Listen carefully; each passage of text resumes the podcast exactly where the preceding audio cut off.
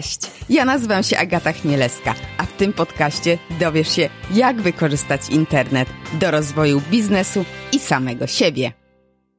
Płacą mu za włamania na swoje komputery, aby cyberprzestępcy tego nie zrobili wcześniej.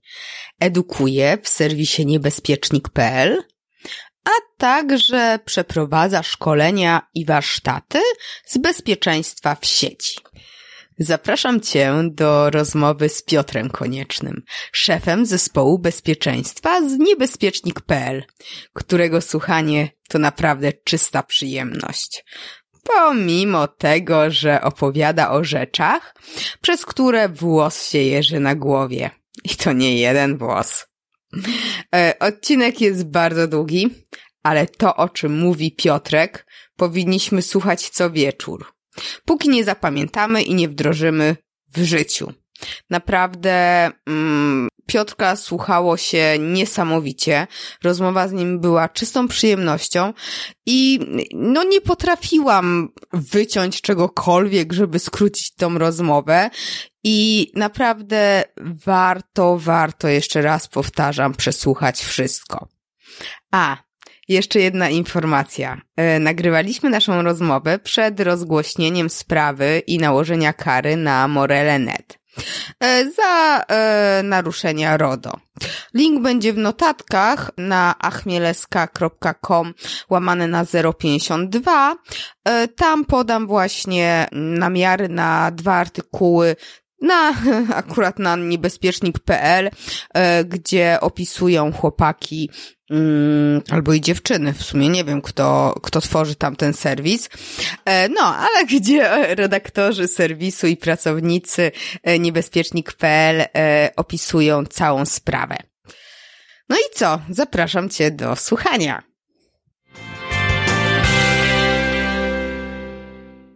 Cześć Piotrze, Powiedz, co tam u ciebie dobrego słychać? Wszystko w porządku. Miałem dzisiaj bardzo pracowity dzień, a jeszcze bardziej pracowity tydzień, dlatego że firmowo przejmowaliśmy nowy lokal pod nasze biuro, więc jesteśmy mega podekscytowani tym, gdzie będziemy za, miejmy nadzieję, e, tylko 3-4 miesiące, a nie rok albo dłużej. O, ale to jakieś większe? Wiesz co, tak, e, myślę, że ponad nasze e, potrzeby, no ale patrzymy perspektywistycznie, patrząc na to, jak się rozwijaliśmy przez ostatnie lata, więc e, jest dużo przed nami w obszarach, w których się nie do końca realizowaliśmy, bo, bo chcemy też sobie, wiesz, stworzyć taki przytulny kącik. Do tej pory byliśmy w takich pomieszczeniach, które nam gdzieś spadły z darami losu, więc nie za bardzo w nie ingerowaliśmy, a teraz możemy tak od zera wszystko zrobić i to zawsze jest oczywiście masa pomysłów, a jak będzie na koniec, no to życie pokaże. Super, bardzo się cieszę i trzymam kciuki. E, sama was czytam bardzo często, więc widzę, jakie fajne rzeczy robicie i w ogóle jak edukujecie, to jest mega, bo właśnie, może powiedz, czym się zajmujesz, e, gdzie pracujesz, właśnie czym się zajmujesz, e, coś o sobie. E, pracuję w Niebezpieczniku i Niebezpiecznik to jest, e, no właśnie, dla większości chyba taki serwis internetowy, który pisze o bezpieczeństwie i niebezpieczeństwie. Bardzo często ostrzegamy przed jakimiś atakami, staramy się, żeby to było zrozumiałe dla każdego. E, czasem piszemy też bardziej technicznie, ale tutaj widać, że tracimy część, większą część Polaków, bo jednak ten, ten taki techniczny aspekt naszej działalności i silne bezpieczeństwo to jest coś, co, no umówmy się, niewielu interesuje poza grupką fascynatów. No ale Niebezpiecznik to nie jest tylko redakcja. Poza pisaniem o bezpieczeństwie, bezpieczeństwie my tak naprawdę jesteśmy dość prężnie działającą, coraz prężniej działającą e, firmą, e, nie startupem, firmą, mm. która, która to firma realizuje się w, tak dwutorowo. Po pierwsze realizujemy usługi, profesjonalne usługi związane z bezpieczeństwem, czyli mówiąc wprost włamujemy się ludziom na komputery, wykradamy dane, wykradamy pieniądze, no niestety potem musimy te dane i pieniądze zwrócić, więc też wciąż działamy, bo to nie jest taki jednorazowy strzał, gdzie wychodzimy z kilkunastoma milionami, które ukradliśmy i możemy powiedzieć do widzenia jednak etycznie postępujemy i oczywiście też za zgodą e, naszych e, mocodawców, e, naszych tak. klientów, do których należą polskie i, i zagraniczne firmy. Jesteśmy takimi, można powiedzieć, hakerami działającymi na zlecenie i chyba lepiej, żebyśmy my odwiedzili infrastrukturę firmy, włamali się do niej, zanim zrobią to ci, których symulujemy działania, bo tak. oni już nie będą tak mili i na pewno fakturę będą mieli niższą, tfu, wyższą. My, my mamy zdecydowanie niższą niż, niż, niż takie no, grupy przestępcze, bo tak tak trzeba to powiedzieć. Tak. I to jest jedna część naszej działalności. Mm, jak pewnie się domyślasz, wykonując tego typu e, dość niszowe usługi, mamy wiedzę, tak. która jest dość unikatowa i z tego też powodu mamy taką gałąź szkoleniową w Niebezpieczniku, gdzie ludzie, którzy są u nas pentesterami, również realizują się jako trenerzy, czyli tą wiedzę, którą zdobyli, przekazują no, każdemu, kto chciałby o tym słuchać. Mamy e, szkolenia skierowane dla programistów, żeby lepiej mhm. tworzyli, bezpieczniej tworzyli aplikacje, bo niestety w Polsce wciąż e, nie mówi się zbyt wiele o tym, jak bezpiecznie programować.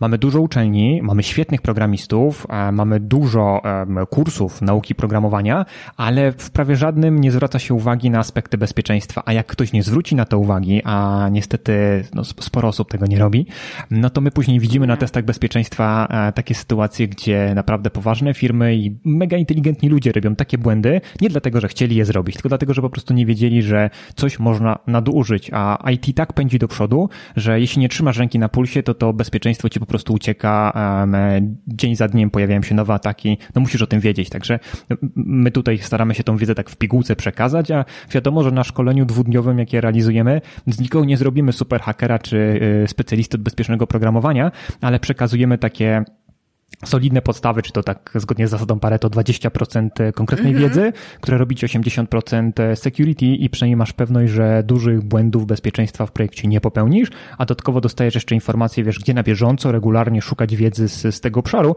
i to, co widzimy po ludziach, którzy są naszymi e, klientami na tych szkoleniach, to oni rzeczywiście zajawiają się po tych dwóch dniach e, szkolenia na, na tą tematykę security, bo nie, nie oszukujmy się, to jest sexy. E, to e, wielu, wielu ludziom, wiesz, kojarzy się z amerykańskimi filmami, gdzie ubrani w lateks e, hakerzy ganiają trójwymiarowe wirusy. No prawda jest zdecydowanie bardziej żmudna i nudna, ale mimo wciąż jest fajnym takim przełamaniem obowiązków, jakie ma standardowy programista, który żyje z dnia na dzień, zamyka gdzieś tam tikety i, i programuje. Także też się śmiejemy, że zawsze na początku mówimy naszym kursantom, jak zaczyna, zaczynamy szkolenie, ja też szkolę szkole, więc mówię my, że jednym z celów tego szkolenia jest to, żeby was zainspirować, pokazać, zachęcić do udziału w tym świecie bezpieczeństwa i to, no myślę, że zawsze nam się i z każdym udaje, bo prawdę mówiąc też wiele nie trzeba, jeśli pokaże się fajne rzeczy, e, no to ludzie sami chcą e, tą atmosferę zgłębiać. To są programiści, to są administratorzy, inne nasze szkolenie, to są ludzie, którzy rozbierają złośliwe oprogramowanie, z reguły pracując dla banków czy instytucji finansowych, zespołów reagowania na incydenty.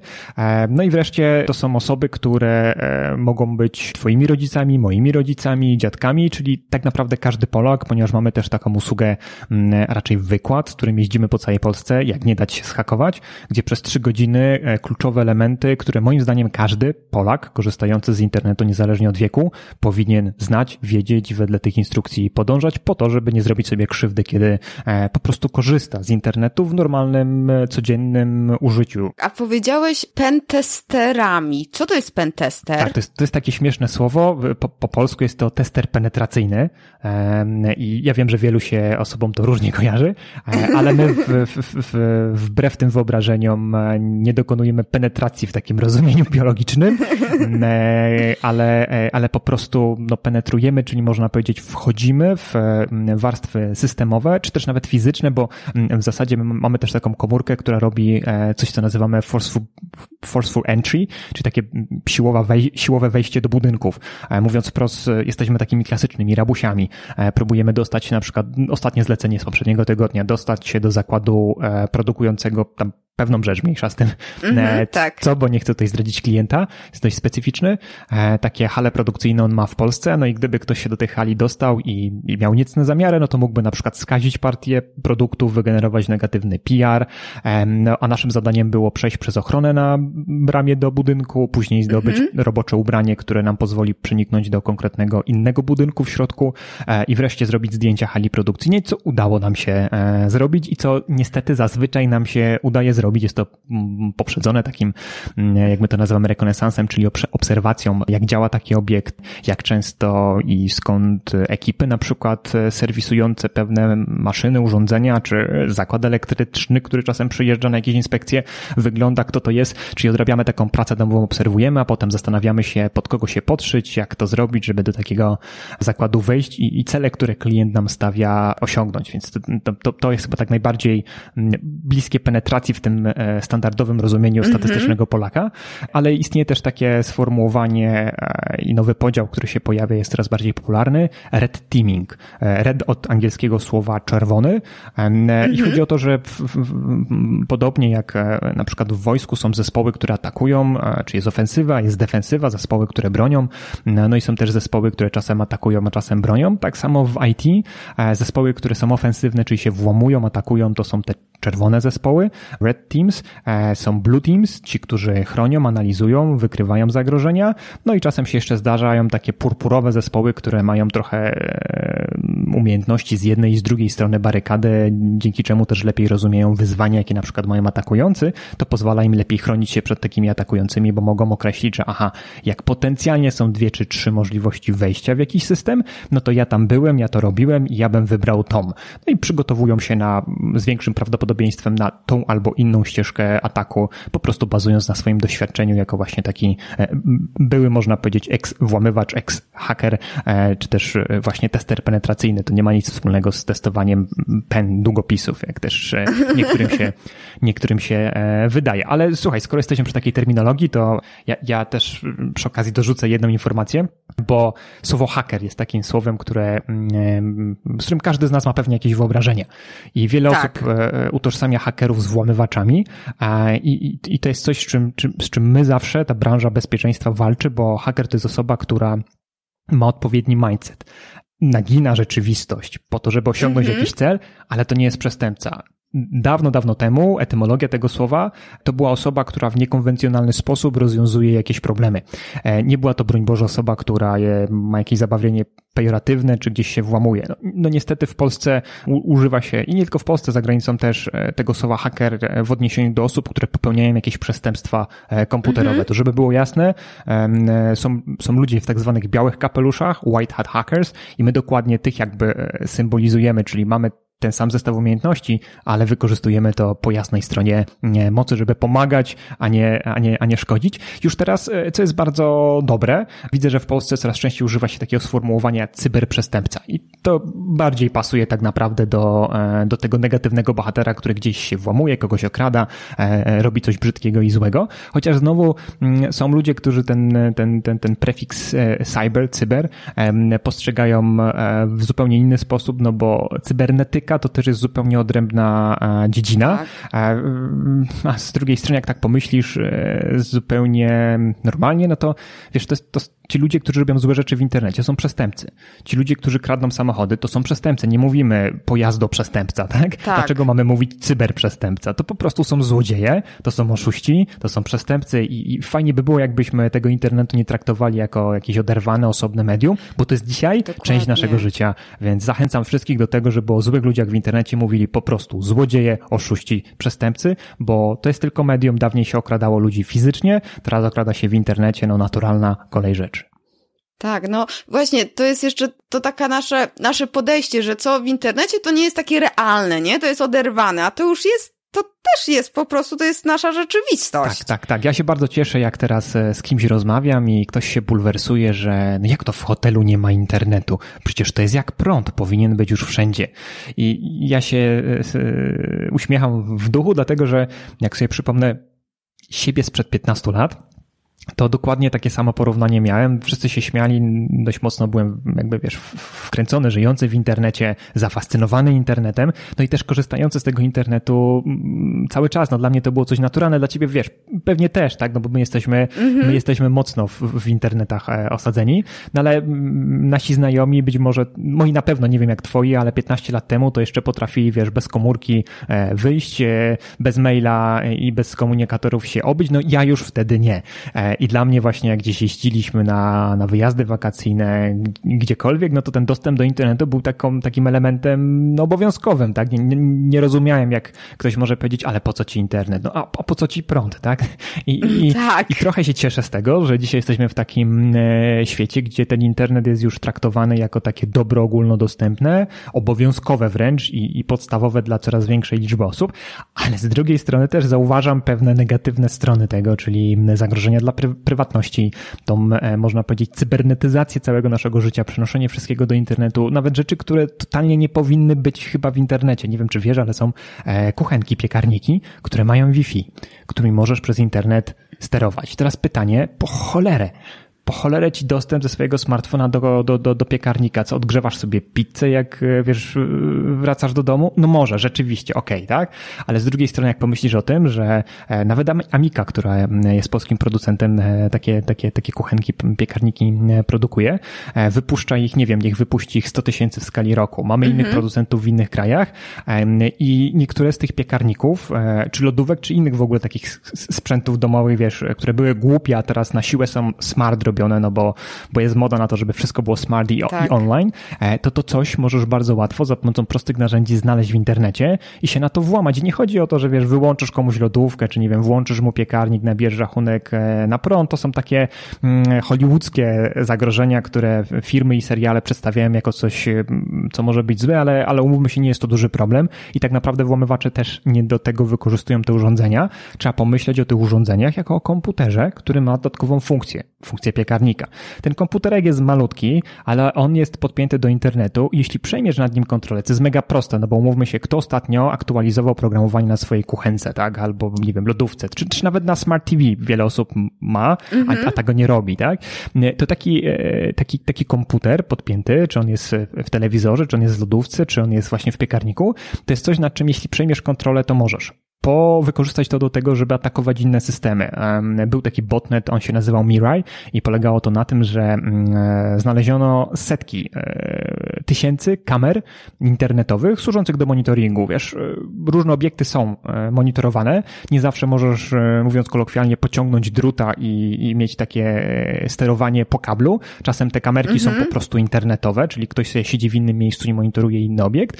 My zresztą w, w domach coraz częściej jako normalni ludzie mamy tak zwane baby monitory, tak, czy takie security cams, które są właśnie podpinane do naszego domowego Wi-Fi, a my na smartfonie w pracy możemy zobaczyć, co nasz piesek robi, czy jak tam się pokojówka mhm. E, spisuje w, w hotelu, ewentualnie jak e, opiekunka do dziecka zajmuje się naszym dzieckiem pod naszą nieobecność. I, i właśnie tego typu kamery działające pod oprogramowaniem, które, w którym znaleziono błąd, zostały namierzone w internecie, przejęte i wykorzystane do tego, że jak ktoś nie lubi Onetu, WP, albo jakiejkolwiek innej strony, to mówi tym setkom tysiącom kamer, ej, drogi komputerze, a teraz odwiedź stronę Onetu. I co się dzieje z Onetem? No Onet oczywiście przyjmując tak duży ruch, pada, mówimy wtedy o takim ataku DDoS, Distributed Denial of Service, tak. czyli generalnie no, zalewanie e, łącza internetowego ruchem setek tysięcy kamer, ruchem zupełnie zbędnym dla e, tej usługi, tego onetu przykładowego naszego, ale jednocześnie ten ruch e, uniemożliwia prawdziwym internautom, którzy chcieliby z tej usługi onetu skorzystać, rzeczywiście skorzystanie z tej usługi, czyli taki, taki atak, który powoduje, że coś mhm. przestaje być dostępne w internecie. Do tego już są te rzeczy głupkowate, jak my mówimy, e, bo jest, jest pojęcie Internet of Things e, i S, tak. S w tym skrócie IoT oznacza security. No S tam nie ma, tak? Tego security tam nie ma. Dlatego bardzo łatwo jest przejmować tego typu e, urządzenia, no i chociażby zalewać ruchem inną część internetu, ale nie tylko, bo wiesz, często możesz z takich urządzeń wysyłać spam, często możesz z takich urządzeń pobierać jakieś szczątkowe dane na temat sieci wewnętrznej, czyli jeśli kogoś interesuje, żeby zobaczyć, nie wiem, jakie są urządzenia najpopularniejsze w domach, no to przejmując kontrolę nad jednym z takich urządzeń, często możesz z tego urządzenia próbować atakować e, dalej domową sieć, ale to już są scenariusze właśnie na hollywoodzkie filmy i seriale, ponieważ większość atakujących totalnie nie jestem zainteresowana, większość atakujących chce zarobić albo zaszkodzić.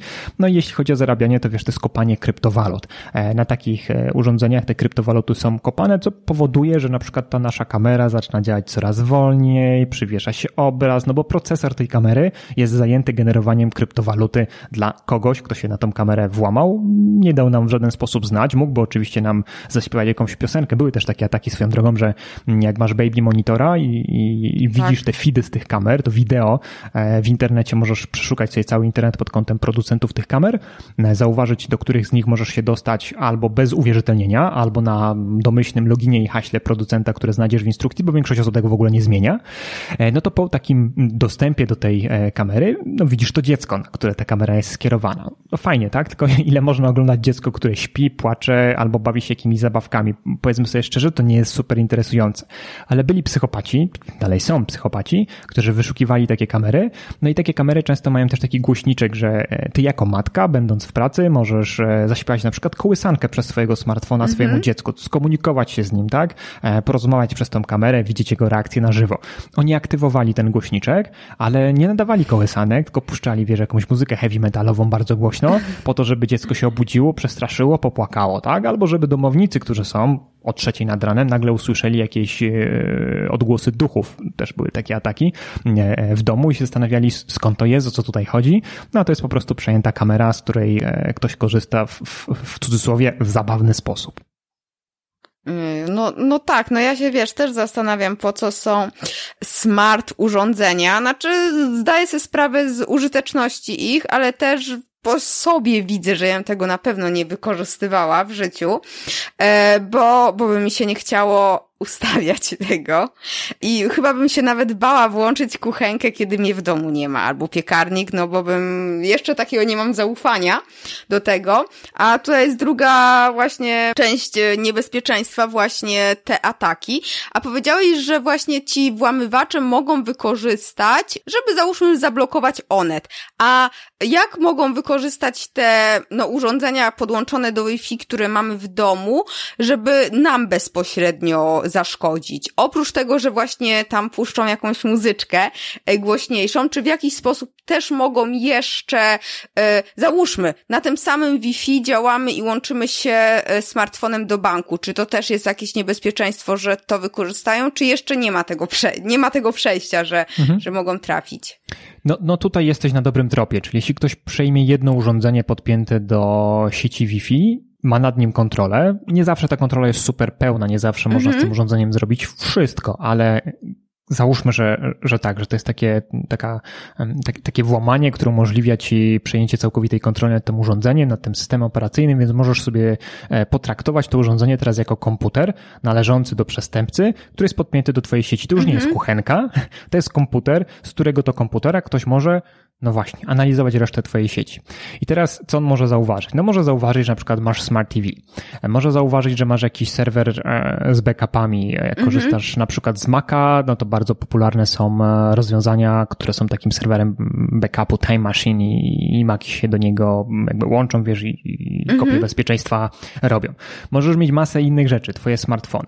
I ten ruch można próbować podsłuchiwać, czy można patrzeć, gdzie te urządzenia się łączą. Czyli jeśli mówisz o tym scenariuszu, że ktoś korzysta z bankowości internetowej, robi jakiś przelew, to to, co będzie widział atakujący, to on zauważy, że rzeczywiście jakieś urządzenie idzie do banku, jakiego banku, ale ten atakujący nie będzie w stanie zobaczyć, co ty robisz, jaki masz login, okay. jakie masz hasło, dlatego że kiedy logujesz się do banku, to twoje połączenie od Twojego urządzenia do serwera banku jest szyfrowane. To jest właśnie ta zielona kutka i HTTPS mm -hmm. na początku adresu. M możesz wpłynąć, będąc w tej samej sieci co ofiara, na to, żeby spróbować to szyfrowanie zrzucić, mówiąc kolokwialnie, zaatakować yy, ten ruch, który wychodzi i, i, nakłonić użytkownika do tego, żeby jednak połączył się z Twoją podstawioną stroną, podstawioną stroną e, danego banku. Ale to jest dzisiaj bardzo, bardzo trudne, bo i banki, i przeglądarki stosują odpowiednie zabezpieczenia e, i ten atak jest możliwy tylko wtedy, kiedy wcześniej użytkownik zobaczy na przykład taką czerwoną planszę z informacją strona, na którą się łączysz e, ma błędny certyfikat, czy rzeczywiście chcesz się z nią połączyć, tak. to może być atak. No jeśli klikniesz tutaj tak, bo zawsze jednak do użytkownika należy ostatnie słowo, no to okej, okay, dasz się schakować, dasz się podsłuchać, ktoś będzie na twoim koncie, ale znowu banki zabezpieczają się jeszcze w taki sposób, że e, każdą transakcję, którą wykonujesz ze swojego rachunku bankowego, musisz potwierdzić potwierdzić dodatkowo albo na telefonie w aplikacji, albo za pomocą przepisania kodu z SMS-a. W tym SMS-ie, w którym jest kod, masz jeszcze informacje na temat tego, co to jest za transakcja. W tej aplikacji, jak potwierdzasz, też masz informację, czego dotyczy to potwierdzenie, więc zwróć uwagę, że gdyby nawet ktoś był na twoim koncie, miał login i hasło, bo zaatakował twój komputer, albo nie wiem, zajrzał ci przez ramię, patrzył, jak piszesz na klawiaturze, tak? Bo robiłaś to w pociągu, mm-hmm. to taki przestępca jeszcze potrzebuje tego kodu, jeszcze potrzebuje od ciebie potwierdzenia tej operacji. Jeśli ty czytasz, znowu bardzo ważna rzecz, internauci muszą czytać. Jeśli tak. ty czytasz ze zrozumieniem te komunikaty, to zauważysz, że to nie jest przelew za rachunek za prąd, który realizujesz, tylko to jest przelew na 10-50 razy wyższą kwotę, albo co gorsza, przelew, który dodaje ci do twojego konta online, konta w banku, zaufanego odbiorcę. Jeśli coś takiego potwierdzisz, to teraz atakujący ono sobie oczywiście jako zaufanego odbiorcę ustawi swój numer rachunku, albo raczej numer rachunku tak zwanego swojego supa. Już nie, nie wnikajmy w to, jak oni rekrutują tych supów, jak od nich e, pozyskują tą gotówkę, ale ustawienie takiego zaufanego odbiorcy, jeśli potwierdzisz, to minutę później wszystkie twoje środki na ten rachunek polecą w kilku, kilkunastu przelewach. To nie ma znaczenia, ty już o tym nie będziesz wiedziała, ponieważ zaufani odbiorcy mają tą charakterystyczną funkcję po stronie bankowości internetowej, że oni nie wymagają potwierdzenia tak. transakcji, przecież są zaufani dodatkowym kodem. Więc tutaj na tym bazują te mm, ataki na bankowość internetową. I wielu osobom właśnie się wydaje, że jeśli mamy kogoś e, w sieci, kto jest zły, to będzie nas okradał. Albo co gorsza, niektórzy jeszcze mówią, Boże, im się włamie na telewizor, będzie mnie przez kamerę wbudowaną w telewizorze podglądał albo w kamerę wbudowaną w laptopie podglądał. To też się nie zdarza poza amerykańskimi serialami. jasne, że są jakieś naprawdę promile, marginalne przypadki. No nie wiem, czy znasz kogoś ze swoich znajomych, kto był podglądany e, przez kamerę nie. i szantażowany. Nie, to jest, to, jest, to, jest, to jest wymysł Black Mirror, to jest wymysł Netflixa i wiesz, wymysł różnego rodzaju hollywoodzkich reżyserów, no bo to fajnie pasuje do fabuły, jest takie przerażające. My jako ludzie mamy bzika na punkcie takiej inwigilacji, podglądania i w ogóle swojego wizerunku. Każdy z nas myśli, że jak nawet byłby podglądany, to taki atakujący by widział wszystko, no ale zastanów zastanówmy się, co my takiego robimy przed tym laptopem. No większość z nas nie robi nic poza dubaniem w nosie raz na jakiś czas, czy podrapaniem się po głowie. To też, umówmy się, nie jest coś, na co taki, na co taki atakujący tak. czeka, tak? Więc jak spojrzymy na to zdroworozsądkowo, po odrzuceniu tych wszystkich mitów, zabobonów, to zorientujemy się, że atakujący wcale nie chce nas podglądać przez kamerę, bo a, totalnie nie interesuje go, jak my wyglądamy. On jakby chciał nas zobaczyć nago, bo często się podaje taki przykład, że będzie nas podglądał w intymnych sytuacjach wierz mi, że ludzie, którzy się włamują, wiedzą, gdzie w internecie szukać nagich osób w różnych konfiguracjach i potrafią sobie znaleźć takie serwisy, więc jak chcą, to naprawdę znajdą ten materiał w innym miejscu. Mm, natomiast jeśli e, chodzi o podglądanie kogokolwiek przez kamerę, to jeszcze większość komputerów dzisiaj ma e, diody, które po prostu się świecą, więc też dają ci znać. No to, to jest naprawdę e, tak, tak, taki strach, wymysł, można powiedzieć, miejska legenda, ale jak taki atakujący jest na twoim komputerze, on chce zarobić, szybko zarobić. Podglądanie nie daje mu szybkiego zarobku, no bo musiałby poczekać na ten rzadki, rzadką sytuację, kiedy rzeczywiście coś kompromitującego zrobisz przed kamerą, nie zorientujesz tak. się, że jesteś podglądana i, i, i, i to prawdopodobnie nie nastąpi, e, ale jeśli atakujący może ci podglądać przez kamerę, to on również może uruchamiać inne polecenia na twoim komputerze. I te inne polecenia to przede wszystkim dzisiaj, i to jest narastające zjawisko, jest szyfrowanie twojego dysku twardego twardego, czy tak zwane ransomware. Szyfruje wszystkie twoje pliki, nie masz dostępu do swojej pracy magisterskiej, doktorskiej, którą piszesz, do swoich artykułów na bloga, które przygotowywujesz. Nie masz dostępu do swoich zdjęć, zdjęć twoich dzieci. Być może nie miałeś kopii bezpieczeństwa tych wszystkich plików. Do tego nie masz już dostępu. Zamiast tych wszystkich plików, plików masz notatkę na pulpicie, ja, haker, cię odwiedziłem, zaszyfrowałem ci wszystkie twoje pliki, wpłać mi tyle i tyle, to ja ci te pliki odszyfruję. I teraz, jeśli nie miałeś kopii bezpieczeństwa tych danych na innym nośniku, no to masz przekichane, no bo to mhm. była twoja jedyna kopia, jeśli chcesz to odzyskać, będziesz za to płaciła. Chyba, że naprawdę ci nie zależy na czasie, to możesz poczekać, być, być może w przyszłości FBI złapie tego e, e, przestępcę internetowego i być może on odda klucze szyfrujące. To się zdarzało już też e, w wielu przypadkach, także to może być dobra strategia, tylko nie masz gwarancji, że FBI go złapie. Nie masz gwarancji, że on te klucze odda i nie masz gwarancji, czy to będzie jutro, pojutrze, za dwa lata, za pięć, a może za dziesięć, tak?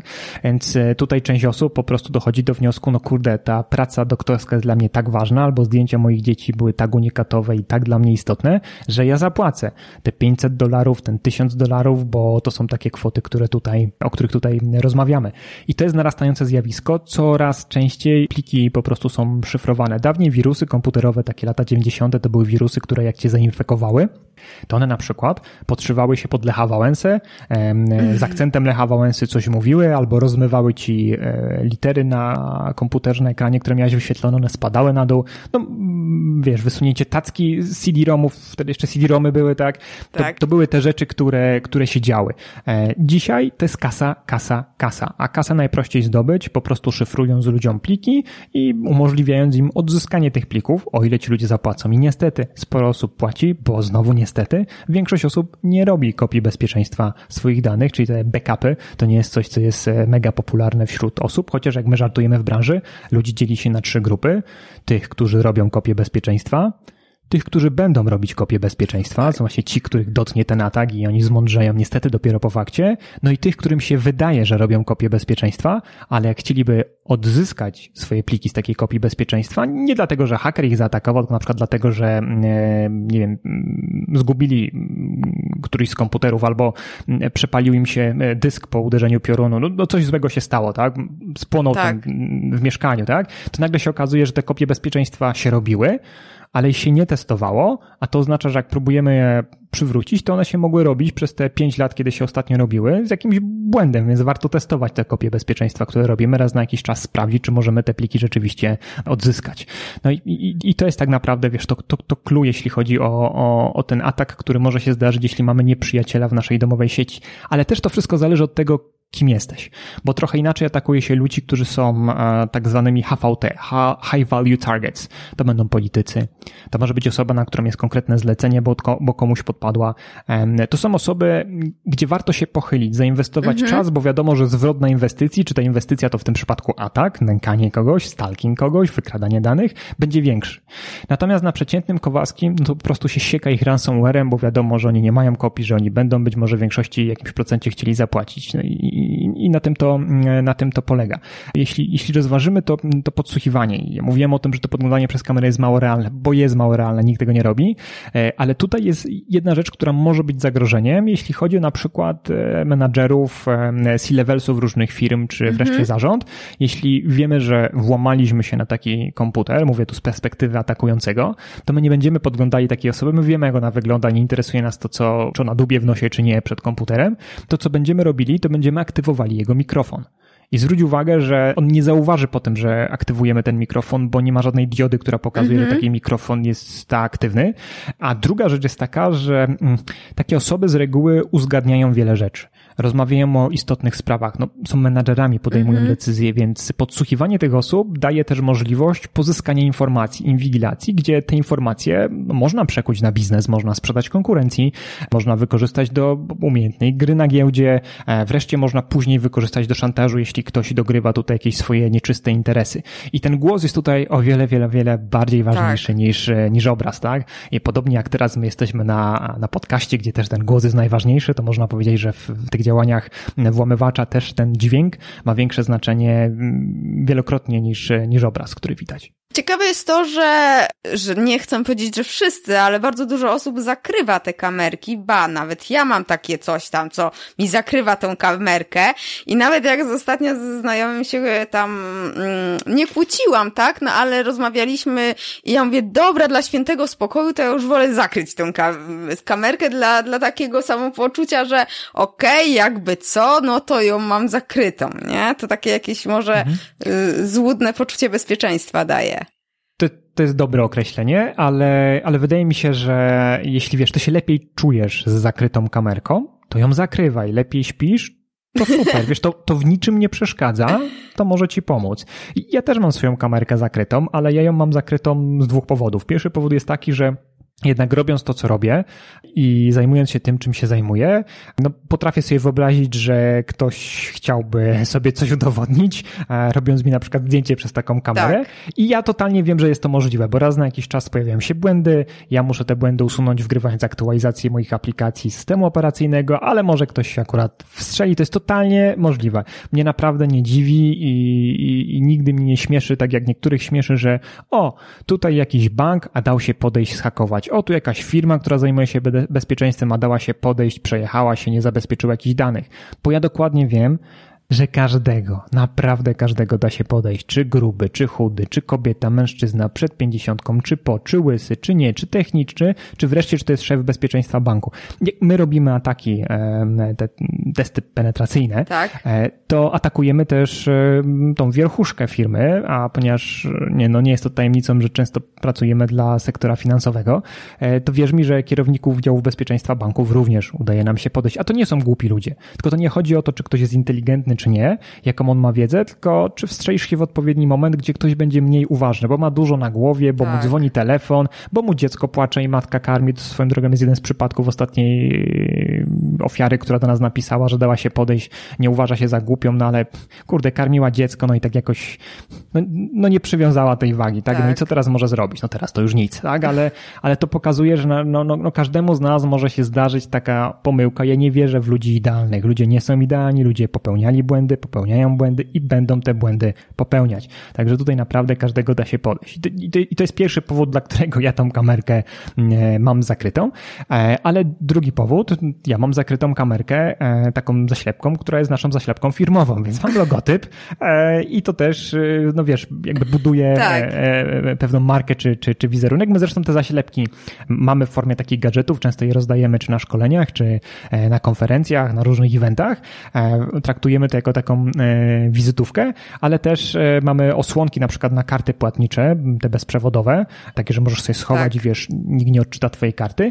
I, I, na tych dwóch gadżetach wprost piszemy, bo ten drugi gadżet jest tak samo beznadziejny jak ta zasłonka na kamerę. On jest, on, on jest niepotrzebny, bo nikt naprawdę, nikt nie klonuje kart płatniczych bezprzewodowo. Więc my na tych naszych gadżetach mamy takie e, nasze logo, oczywiście, tak, ale obok mamy taką informację, że e, ta osłonka na kartę nie działa. I ona jest w ogóle bezużyteczna, tak? E, jak chcesz, to z niej korzystaj, spoko, ale e, jeśli chcesz zabezpieczyć naprawdę swoje środki finansowe, to zrób inne rzeczy. No i tam są dwie porady, które warto robić. Pierwsza porada to jest taka, żeby monitorować regularnie e, wyciąg ze swojej karty płatniczej i namierzać transakcje, a druga porada jest taka, że jak już taką transakcję namierzysz, która jest podejrzana, to ją reklamuj w banku, ale za pomocą procedury chargeback, a nie za pomocą standardowej reklamacji. No, jest to taka, ten, ten, ten chargeback to jest taka specjalna ścieżka reklamacyjna, która klientowi daje więcej możliwości. U nas na blogu można o tym poczytać, jak się tym mm, zająć, jak zareklamować, dlaczego to jest e, użyteczne. Więc tak można powiedzieć, że sobie trochę, nie chcę powiedzieć drwimy, tak, ale gramy na nosie, e, a jednocześnie edukujemy, tak, bo tak. nam zależy na tym, żeby, żeby było bezpieczniej, ale żeby było bezpiecznie tam, gdzie rzeczywiście to ma sens i znaczenie. Zamiast e, zaklejać sobie kamery, czy chować takie karty w osłonki, co robi większość, no może nie wiem, czy większość, tak dalej, robi sporo Polaków, moich znajomych również, to ja bym wolał, żeby oni pozmieniali hasła na różne. A tego już niestety tak dużo osób nie robi, bo to jest trudniejsze, a to jest zdecydowanie, tak nie wiem, z 500 milionów razy mm, istotniejsze niż e, chowanie kart czy e, zaślepianie e, kamerek, bo atak związany z tym, że ktoś włamie się, wejdzie, zaloguje się na twoje konto w jakimś serwisie, jeśli masz tam takie hasło jak w innym miejscu, jest zdecydowanie bardziej prawdopodobny, bo codziennie wyciekają dane z różnych serwisów, bo ktoś się włamał i wykradł, bo firma nie dopilnowała, nie wgrała aktualizacji i dane wypłynęły albo wreszcie pracownik e, danej firmy postanowił sobie dorobić, bo uznał, że za mało zarabia i w tak zwanym darknecie na podziemnych forach internetowych dla przestępców sprzedaje e, dostęp do bazy albo fragment bazy swojego pracodawcy, więc twoje hasła, twoje dane osobowe, twoje informacje e, są w sieci.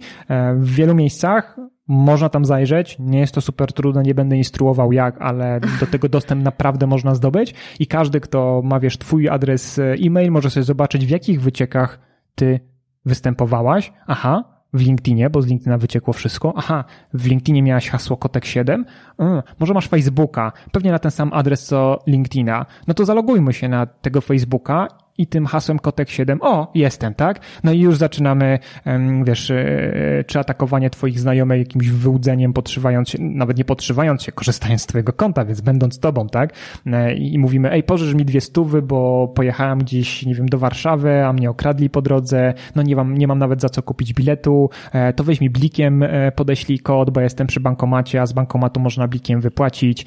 Ludzie mówią, spoko, jasne, pomogę ci, no przecież cię znam, jutro się widzimy w pracy, oddasz mi, to jest tylko 200 zł, tylko że to nie jesteś ty, tylko to jest przestępca, który rzeczywiście jest przy bankomacie, jak twój znajomy uwierzy w tą historyjkę i potwierdzi to żądanie blikowe, które otrzyma na swoim telefonie w aplikacji swojego banku, e, no to w tym momencie tak naprawdę sekundę później e, przestępca wyciągnie pieniądze z bankomatu i ktoś stracił 200 zł, tak? I ktoś myśli, że to tobie pożyczył te 200 zł, więc i ty masz po części problem, z którego się być może wytłumaczysz, no ale wszyscy twoi znajomi będą trochę smutni, że, że zostali no, okradzeni przez przez, tak. e, przez kogoś, kto włamał się na twoje konto, dlatego że ty i tylko ty nie dopilnowałaś tego, żeby mieć różne hasła do różnych serwisów i to jest twój obowiązek, to jest obowiązek każdego, żeby te hasła były różne, między innymi z tego powodu. Ja podałem oczywiście przykład e, taki można powiedzieć, gdzie większość osób to przełknie, bo 200 zł to nie jest dużo, bo Facebook to nie jest istotne konto, ale weź sobie wyobraź, że ktoś wszedł na twoje konto e, mailowe, tak? Gdzie masz pewnie korespondencję z 15 lat gdzie masz jakieś mhm. może akty notarialne, może masz jakieś umowy o pracę, masz PESELE, masz masę prywatnych informacji, masz zdjęcia, nie wnikając w to, czy one są dla ciebie wiesz, no, wrażliwe czy niewrażliwe. Tak.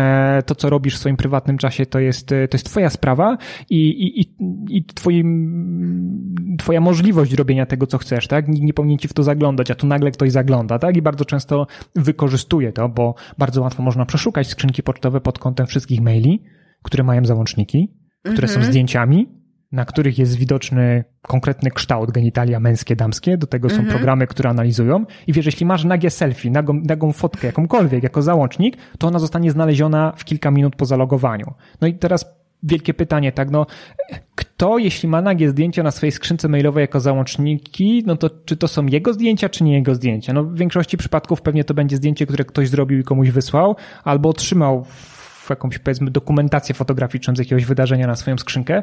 No i tutaj już może się zacząć e, realny szantaż, bo to są materiały, których przez kamerkę w laptopie prawdopodobnie nie zdobędziesz, no ale na skrzynce mailowej one już być mogą, jeśli ludzie wymieniają się takimi, e, takimi danymi, tak? Ale zostawmy te treści, bo może większość osób takich treści e, nie ma i tutaj poważnym zagrożeniem jest to, że będąc na skrzynce mailowej, patrząc sobie na maile z banku, wiemy gdzie masz konto, Często wiemy też, e, ile masz na tym koncie, no bo wyciągi. E, popatrzymy sobie za chwilę na to, skąd ci przychodzą faktury od mhm. operatora, czy ty jesteś w jednej, drugiej czy trzeciej sieci. No i teraz już wiemy, aha, bo tu jest operator, tu jest konto w banku, to teraz by mi się przydało jeszcze nazwisko panieńskiej matki. O proszę, akt notarialny zakupu jakiegoś mieszkania, tak, czy jakieś inne dokumenty. A tu jeszcze skan paszportu, bo wizę e, wyrabiałaś elektronicznie i w niektórych e, krajach, żeby taką wizę e, otrzymać, należy zrobić skan paszportu i przesłać mailem, tak? No, super, tak? Ja się cieszę. Robiłaś to oczywiście 15, 14 lat temu, no ale ten mail dalej jest, bo go nie skasowałeś, bo mało osób kasuje maile, bo skrzynki dzisiaj są tak duże, że nie trzeba tych maili kasować, bo nikt tych skrzynek nie zapełnia. Więc atakujący ma dostęp do historii twojego e, całego, można powiedzieć, życia, gdzie tobie się wydaje, że nie masz wartościowych rzeczy, bo ty nie pamiętasz wszystkich 15 lat i każdego tak. maila, który masz na skrzynce, ale jak zadasz odpowiednie zapytania, zresztą zrób sobie takie e, ćwiczenie, ich każdy sobie zrobi takie ćwiczenie, e, w wyszukiwarce w, na swojej skrzynce pocztowej warto wpisać akt notarialny, umowa, umowa najmu, e, umowa zlecenia, umowa o pracę, PESEL, nazwisko pańskie matki, e, czy wreszcie paszport, skan, dokumenty, skan i tak dalej. To są, to są słowa kluczowe, które wpisują przestępcy zaraz jak się zalogują na czyjeś skrzynki pocztowe właśnie po to, żeby te informacje zebrać, a potem zweryfikować, czy oni mogą wykorzystać te e, dane, które akurat namierzyli na tej skrzynce do tego, żeby na przykład pójść do operatora twojego, podszyć się pod ciebie, no bo mają mhm. wszystkie informacje PESEL, może nawet są do ciebie bardzo podobni, a jak nie, to wyrobią sobie dowód kolekcjonerski na wszystkie dane, numer i seria mają na skanie, PESEL mają na skanie, imię i nazwisko mają na skanie, zdjęcie oczywiście wrzucą swoje, no bo dlaczego nie? E, osoba u operatora sprawdzi dokument, porówna z wyglądem osoby, no to się zgadza. Teraz wpiszę e, numer i serię dowodu do systemu, no wyskoczy taki klient. No to czego chcesz kliencie? No ja bym chciał duplikat karty SIM. No to proszę zweryfikowałem tożsamość, wydaję duplikat karty SIM. Teraz mam duplikat Twojej karty SIM. Jeśli z jakiegoś powodu udało mi się pozyskać Twój login i hasło do banku, to ja teraz do tego banku się zaloguję, kartę SIM włożę do mojego telefonu, ja nie będę potrzebował Ciebie, żebyś mi przepisała kod albo potwierdziła coś w aplikacji, jeśli chodzi o autoryzację transakcji bankowej, tylko ja ten przelew zrobię sobie sam, tak. bo mając tak naprawdę w tym momencie klon twojego telefonu, twój już nie działa, teraz wszystkie SMS-y z banku będą przychodziły na mój telefon, bo ja mam twój numer, bo mam duplikat twojej karty SIM, ja jestem w stanie ten kod z banku, jeśli było uwierzytelnie przez SMS-y realizowane, odczytać, no i za pomocą tego kodu potwierdzić transakcję, która po prostu cię okradnie, a czy ja będę chciał to robić, to ja będę wiedział zaraz po zalogowaniu na skrzynkę, bo zobaczę na wyciągu z konta, ile ty masz na tym koncie. Bo jak masz 2 czy 3 tysiące, to ja nie chcę na ciebie tracić czasu. No właśnie. Ja pójdę sobie do innej osoby, tak, która może ma 50-60 i to już dla mnie będzie wartościowe, żeby wydać 300 zł na dowód kolekcjonerski, gdzieś pokazać wizerunek, przejść się do salonu, wiesz, poświęcić ten dzień na to, żeby te pieniądze uzyskać. No to, to, to są właśnie dylematy prawdziwych przestępców dzisiaj. Mówisz, że wyciekają dane. No wyciekają. Jak was czytam, to czasem mam, znaczy ja mam serio wrażenie, że moje dane to już tak krążą w internecie, że to można historię, e, biografię napisać. Nie była wyciekawa, ale można. Ale e, okej, okay, wyciekają dane z jakiegoś serwisu, sklepu internetowego. Nie wiem, no niech sobie wyciągnę z tego LinkedIna. I tam jest adres mailowy, ale hasło, przecież hasła są szyfrowane o co chodzi z tym szyfrowaniem? Czy właśnie te hasła też wyciekają, czy po prostu na innej podstawie mogą wykorzystać y, tam dane z jakichś serwisów? Okej, okay, więc tak trochę korygując, hasła w bazach danych są skrócone. Okay. Są przetworzone jednokierunkową funkcją skrótu, to nie do końca jest szyfrowanie. Ale okay. umówmy się, że tam są jakieś krzaki, tak? Dobra. To, to nie jest prosto zapisane hasło. E, są mądrzy ludzie i odpowiednie oprogramowanie, które przy pewnym wysiłku jest w stanie dotrzeć do tego, jakież to hasło miałaś. Wiele zależy od tego, jak twórcy serwisu internetowego podeszli do e, właśnie tego skracania haseł, jakiej funkcji użyli. Nie wchodźmy w technikalia można to tak. zrobić lepiej, można to zrobić gorzej. Niestety większość serwisów robi to gorzej, bo programiści nie byli odpowiednio wyedukowani. Gdyby byli, to by wiedzieli, że można to zrobić zdecydowanie lepiej, poświęcając na to taki sam czas i wysiłek, jak poświęcili na zakodowanie tej opcji, którą mają teraz. No ale dobra, tak? Dochodzimy do, e, do tego, że w tej bazie danych dane nie są napisane wprost, tylko w formie właśnie takich tak. krzaczków jakiegoś tam skrócone. wyniku jakiejś funkcji, skrócone są. No i teraz po odpaleniu oprogramowania, no i, i wiem, bo mój kolega to robił. No oficjalnie nie, nie można przetwarzać takich, takich baz wycieków w Polsce, więc no, no nikt tego nie robi. E, ale tak. wyobraźmy sobie, że robi, tak? E, no to jak odpalisz takie oprogramowanie, to w zasadzie po pierwszej minucie działania tego oprogramowania masz tysiące osób, których masz złamane, można powiedzieć, odkodowane, poznane hasła. Dlatego, że te hasła są trywialne, beznadziejne, łatwe. Jeśli chodzi o ludzi, którzy mm, na przykład mają konto e, w serwisie, wymyślmy sobie sklep internetowy brzoskwinia.pl tak. Tak? No więc y, jak mamy taki sklep internetowy z warzywami brzoskwinia.pl, no to możemy się założyć, że e, z takiego serwisu, jeśli wyciekną dane e, i będzie tam e, kilka milionów użytkowników, to znaczny procent będzie miało hasło na zasadzie brzoskwinia. Brzoskwinia tak. z dużej. Brzoskwinia naprzemiennie małymi i dużymi. Brzoskwinia 2019. Brzoskwinia 2019 wykrzyknik. Moja brzoskwinia. Tajna brzoskwinia. Brzoskwinia hasło. Kocham brzoskwinie i tak dalej, tak? Więc to są takie rzeczy, które w pierwszej kolejności te łamacze haseł zweryfikują, sprawdzą. I teraz y, y, od ciebie zależy, od ciebie jako atakującego. Czy ty chcesz na tych dwóch tysiącach, pięciu tysiącach, dwudziestu tysiącach osób z tymi hasłem się przejechać? Czyli posprawdzać sobie, a cóż tam jest na tym koncie, może mają doładowaną portmonetkę, może ja mogę te pieniądze wypłacić, może mogę jakiegoś innego frauda zrobić. Czy jedziesz dalej i szukasz konkretnie hasła, e, jakie miał Piotr Konieczny e, w brzoskwiniach, tak? No bo załóżmy, że ja mam tam konto, mój adres e-mail to jest e, piotrmałpaniebezpiecznik.pl, ktoś to może wyszukać, o jest, jest Konieczny, tak? Na 2057 pozycji, no to dojeżdżamy jego, chcemy zobaczyć, jakie, jakie on ma hasło. No i kwestią czasu jest to, kiedy ktoś do tego mojego hasła dojdzie. Mhm. Nawet jeśli ja mam 32-znakowe hasło losowe, małe, duże litery i cyfry, to kwestią czasu jest to, kiedy ktoś do mojego hasła dojdzie, bo w ostateczności, jeśli ja nie miałem hasła trywialnego typu brzoskwinia, e, nie wiem, jabłko albo banan 2019, to ktoś będzie sprawdzał coś takiego a, a, a, a, a, a, a, a, a, a, a, a, a, b, a, a, a, a, a, a, c. Tylko, że jak ja to mówię, to minęło pewnie z 7 sekund, a, a przy mocy obliczeniowej e, dzisiejszych komputerów i programów zoptymalizowanych do łamania właśnie haseł w ten sposób, to można takich operacji robić miliony na sekundę. Czyli miliony różnych słów, kombinacji znaków są sprawdzane na sekundę.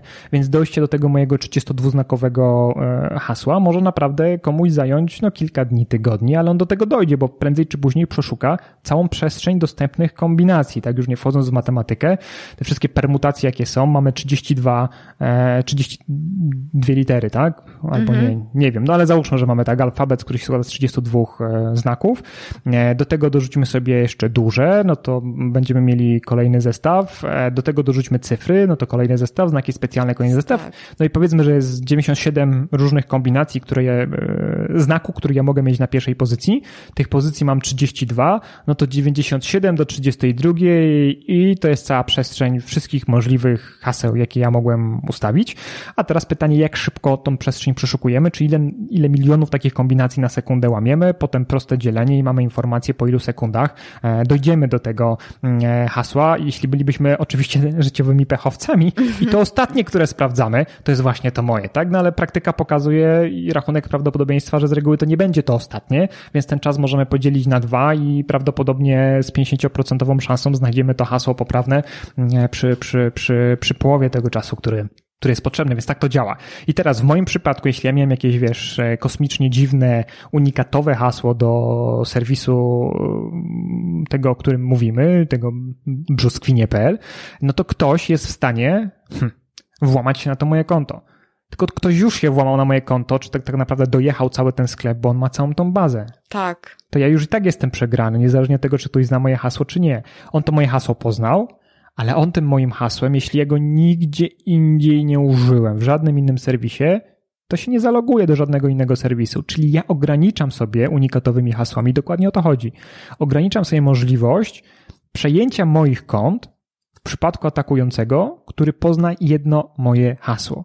Jeśli inni ludzie mieli wszędzie hasło kotek 7 i do tych brzoskwinie.pl również mieli kotek 7, to oni mają większy problem, bo atakujący od razu namierzy, a tu mam skrzynkę na Gmailu, tu mam konto na Facebooku, o, a tutaj jeszcze mam konto na Allegro, tu mam Paypala, to już w ogóle mogę kasiorę wypłacać z tego Paypala, na Allegro mogę ludzi oszukiwać, na Uberze mogę się przejechać za darmo, na Netflixie mogę dopiąć kogoś innego i sprzedać i, i zarobić na tym.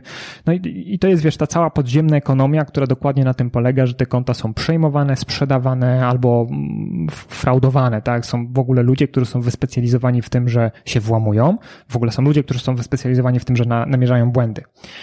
Oni jeszcze nic nie wykradają, tak? Później oni te błędy sprzedają. Są inni, którzy robią ekstrakcję danych, czyli wykradają tą bazę danych. Są inni, którzy sprzedają te bazy danych, szukają kupców. Są inni, którzy łamią hasła.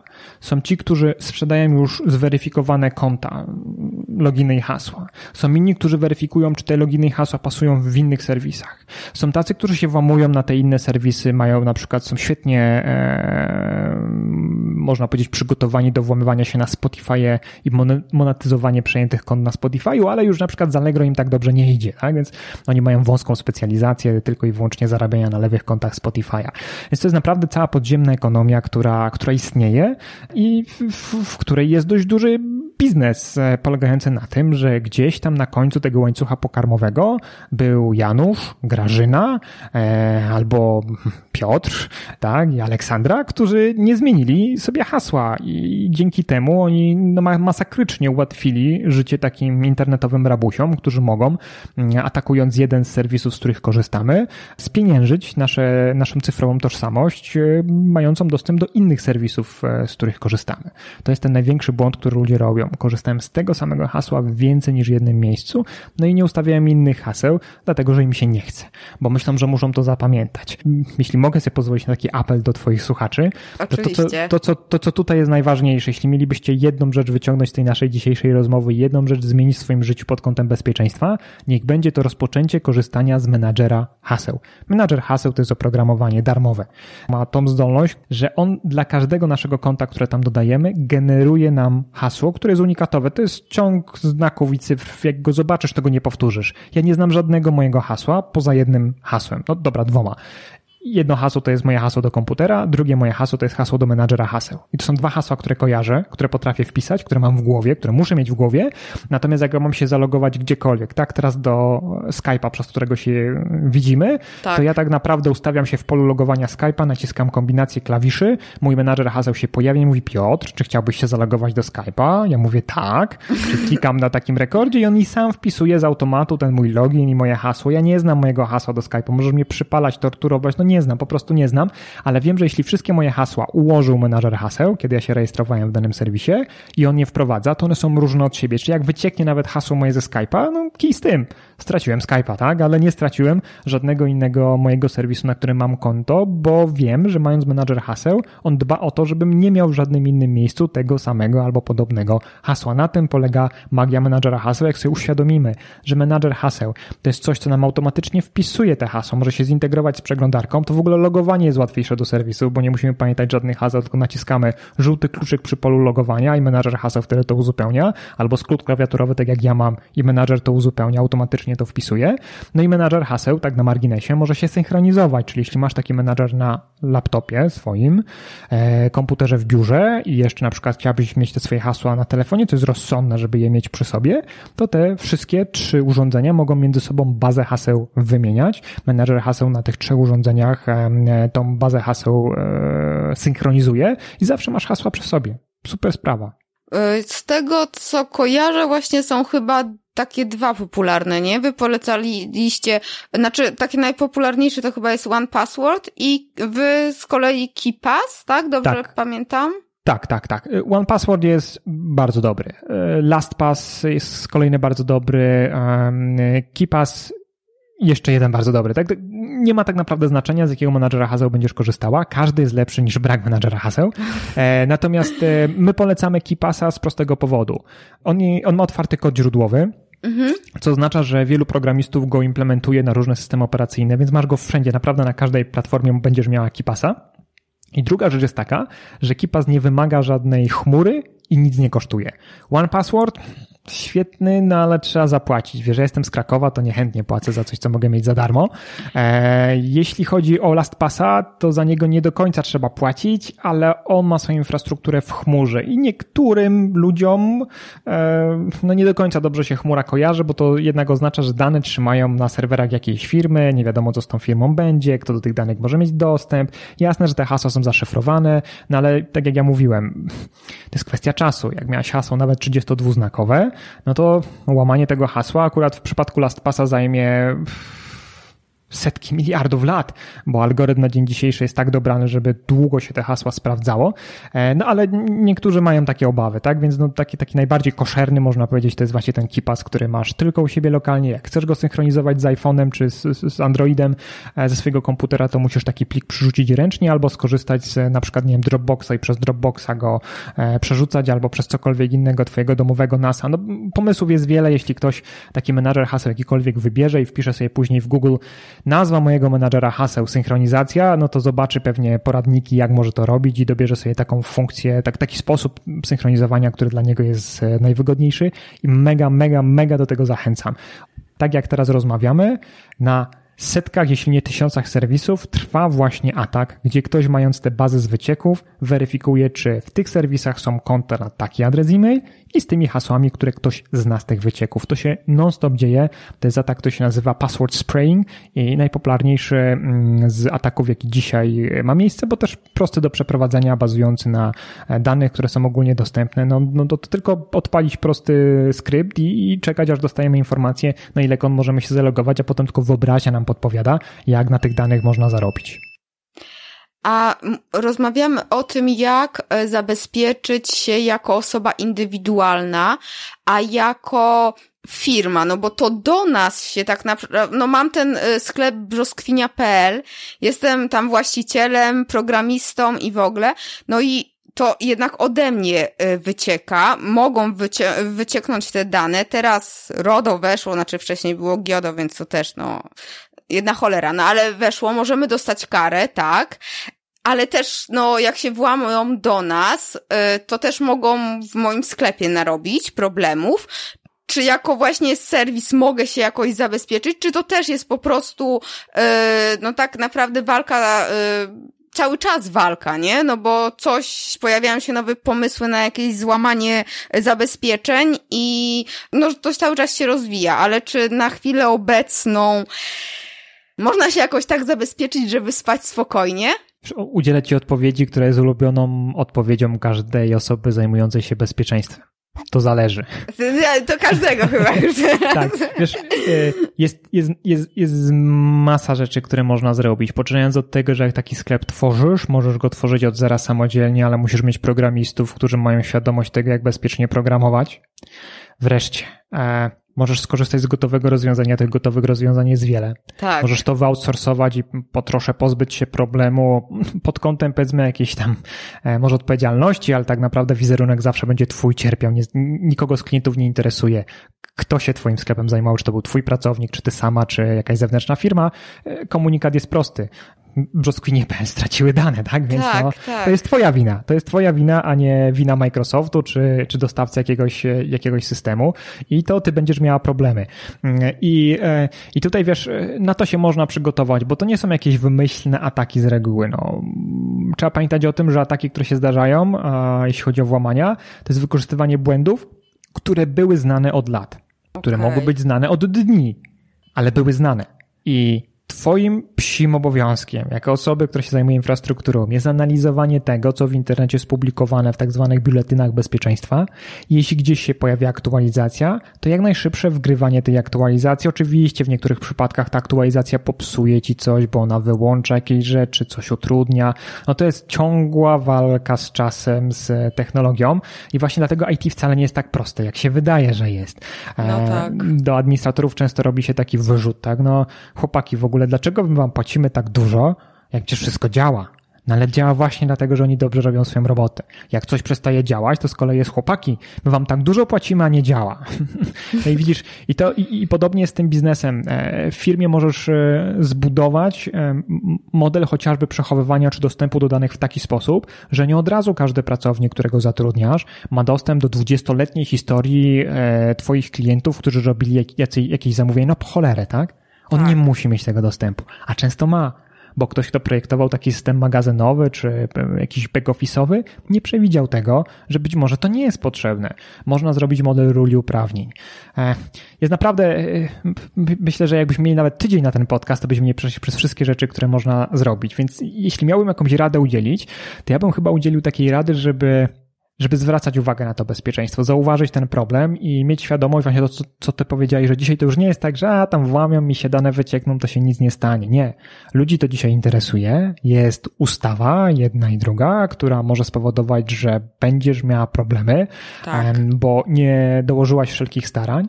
No i jak to bezpieczeństwo cię interesuje, no to warto albo zbudować sobie taką komórkę bezpieczeństwa u siebie w firmie, co jest trudne, bo przy pewnej wielkości biznesu to się po prostu nie opłaca, tak? Mhm. Taki człowiek od bezpieczeństwa może zarabiać tyle, co, co kilku magazynierów, tak? Albo e, parę osób do obsługi klienta, no i umówmy się na, po, na początku biznesu, to to będzie ważniejsze niż to, żeby to było super bezpieczne. Ja to rozumiem, tak? E, więc są też firmy, do których możesz takie security po części zoutsourcować. Są też firmy takie jak nasza, które mogą cię przetestować pod kątem bezpieczeństwa i powiedzieć ci tu i tu i tu i tu masz pewne problemy tymi zajmij się w pierwszej kolejności, bo jak te rozwiążesz, to też po części ubijesz możliwość zaatakowania cię innymi błędami, które zostały tak. E, wychwycone. No ale poza tym dochodzą, wiesz, jeszcze szkolenia zwykłych pracowników, żeby się nie pomylili, jak e, piszą do klienta i nie wrzucili całej listy klientów w CC zamiast w BCC, tak? E, żeby domena, którą masz, była regularnie opłacana, bo ktoś ją może przenieść. No jest, jest wiele rzeczy, które mogą pójść nie tak i moglibyśmy tutaj tak naprawdę przełączyć się teraz na niebezpieczeństwo bezpiecznika i przeczytać sobie e, wszystkie posty otagowane jako wyciek i, i, i popatrzeć, czy jest jakaś, jakaś wspólna rzecz. Z reguły tą wspólną rzeczą jest człowiek który nie wywiązał się ze swoich obowiązków, e, nie zareagował zbyt szybko, e, zignorował informacje o pewnym problemie od klienta, albo wręcz zbagatelizował pewne rzeczy, kiedy ten biznes swój tworzył i doszedł do wniosku, jakoś to będzie, tak? My w Polsce lubimy jakoś to będzie. Natomiast no, jak ktoś poważnie podchodzi do czegokolwiek, nie tylko bezpieczeństwa, to moim zdaniem powinien odrobinę przemyśleć, zainwestować, skonsultować się z, z osobami, które wiedzą więcej w tej dziedzinie i starać się wypracować taki model, który jemu pozwoli się dynamicznie i szybko rozwijać, nie będzie tłamsił tego biznesu, bo niestety bezpieczeństwo ma to do siebie, że wiesz, możesz mieć tanio, szybko albo bezpiecznie, tak? I wybierz dwa. E, tak. I więc zawsze jak to, jak to bezpieczeństwo będzie elementem równania, no to albo nie będzie szybko, albo nie będzie tanio. No i wiesz, nie ma złotego środka, tak? Więc to, to, to jest coś, na co, co trzeba po prostu sobie wkalkulować w e, pewien e, biznesplan w momencie, kiedy decydujesz się na założenie biznesu. Ja uważam, że ludzie, którzy robią biznes online są no mega, mega odważni, tak? Bo jak ja widzę, jak firmy tracą dane, co się później dzieje z osobami prywatnie i zawodowo, wiesz, to jest też stres, nie? No umówmy się, jak masz firmę i, i z tej firmy wyciekają ci dane, chociażby wyciekły ci niewielkie rzeczy, to ludzie potrafią z dnia na dzień osiwieć, bo oni się czują odpowiedzialni za swój biznes. I taki siwy właściciel to jest dobry właściciel, bo to jest człowiek, który się przejmuje, a nie taki, który mówi, jaki z tym, niech mnie pozywają, tak? E, tutaj mam wszystko na, firma jest na, na, na supa, minimalne udziały, będą nas ścigali po sądach wiele, wiele lat. E, I też popatrz na to od takiej strony, że banki w Polsce, które e, są jednymi z w ogóle jeśli chodzi o bezpieczeństwo bankowości, Polska jest, można powiedzieć, liderem. E, naprawdę mamy i genialnych ludzi, e, i dość dobre e, systemy, i banki łożą kupę kasy, wiesz, w szkolenia, w infrastrukturę, no im pieniędzy nie brakuje, tak? Mają mądrych ludzi.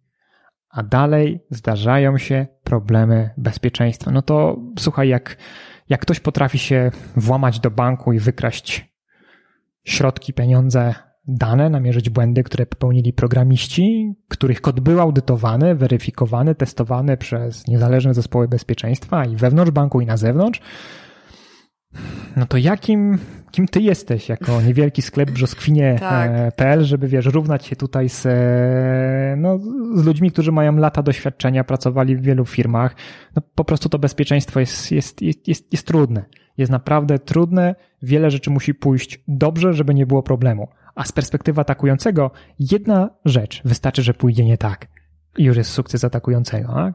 Google, no. firma, która ma najlepszych specjalistów, e, miliony, jeśli nie dziesiątki milionów na bezpieczeństwo, też została zhakowana. No, Naprawdę każdemu może się to zdarzyć. Pytanie, kto jest po tej drugiej stronie, jak dużo wysiłku włoży, no ale to też nie jest tak, że to jest takie magiczne na zasadzie, że wiesz, ja na siebie patrzę i mówię, dzisiaj ty, strykam palcami i bach, jesteś zhakowana trzeba pewne rzeczy zrobić, przygotować się do tego ataku, zebrać informacje. I z reguły to zbieranie informacji zostawia pewne ślady. Jeśli ktoś ma podstawowe um, nie chcę powiedzieć wykształcenie, ale umiejętności. No na, właśnie na przykład to, co my, wiesz, przez te trzy dni przekazujemy, tak. te 20%, tak, dla administratorów bezpieczeństwa sieci. Jeśli ktoś ma tą wiedzę, to on już wie, e, że coś dziwnego się dzieje, tak? On może jeszcze nie wie, co się stanie, ale zauważa pewne anomalie, pewne sygnały do niego docierają już widać, że ktoś zaciera rączki, tak?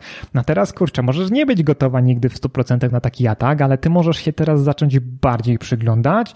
Jak nastąpi coś, co jest negatywne, to szybko zakręcić kurek, nawet tak. drastycznie mówiąc, wyciągając wtyczkę e, z gniazdka, żeby sobie na spokojnie to przeanalizować. Ale ty o tym wiesz wcześniej, tak? To nigdy nie jest tak, że z dnia na dzień nie wiadomo skąd i dlaczego, bach, zostałaś dojechana dana, twoje dane wyciekły, tak? No bo jednak jak masz bazę danych dość dużą, to ją trzeba zgrać, to trochę czasu zajmuje. To jest nagły pik w ruchu, wzrost wychodzących danych. Jeśli tylko pomyślałeś o tym, żeby to monitorować i założyłaś sobie odpowiednie e, pułapki czy notyfikacje, to tak. jako dobry administrator dostaniesz o tym sygnał. Jeśli go olejesz, zignorujesz, bo wolisz sobie grillować, albo to jest po godzinie 23, nie masz 24-godzinnego mm, dyżuru, no to no okej. Okay. To teraz pytanie, kto jest winny, tak? No bo ktoś o tym pomyślał, żeby to monitorować, a ktoś inny olał albo zabrakło pieniędzy na to, żeby ktoś wieczorem jednak patrzył na ten system monitoringu, więc to naprawdę naprawdę wiele rzeczy może pójść e, nie tak, nie chcę nikogo straszyć, ale, ale szczerze, to jest, to jest ciężkie zadanie, żeby dobrze zrobić bezpieczeństwo. Tak, ale wiesz co? W sumie dwa wątki mi się teraz naruszyły, na, naszły na myśl, bo o tym, e, jak tak was czytam, bo to jest interesujące i naprawdę, ja czytam też komentarze ludzi, co tam piszą. E, czasochłodne, ale fajne. E, to ci powiem, że czasem mam takie wrażenie, e, I tak pewnie, że po prostu już tego jest tyle, że moja taka ostrożność i zwracanie uwagi na szczegóły, to cza tak czasem mówię, okej, okay, to muszę tak o, przeczytać SMS z banku, muszę sprawdzić nu, y, adres w pasku przeglądarki, wiesz, takie, tego jest tyle, że ta, mm, to takie, mm, to ta uważność y, może być po prostu nam odejść, bo po prostu za dużo tego wszystkiego jest. I, i to też może mieć swoje jakieś takie, no, minusy. Tak, no to technologia y, ma to do siebie, że nie jest najłatwiejsza.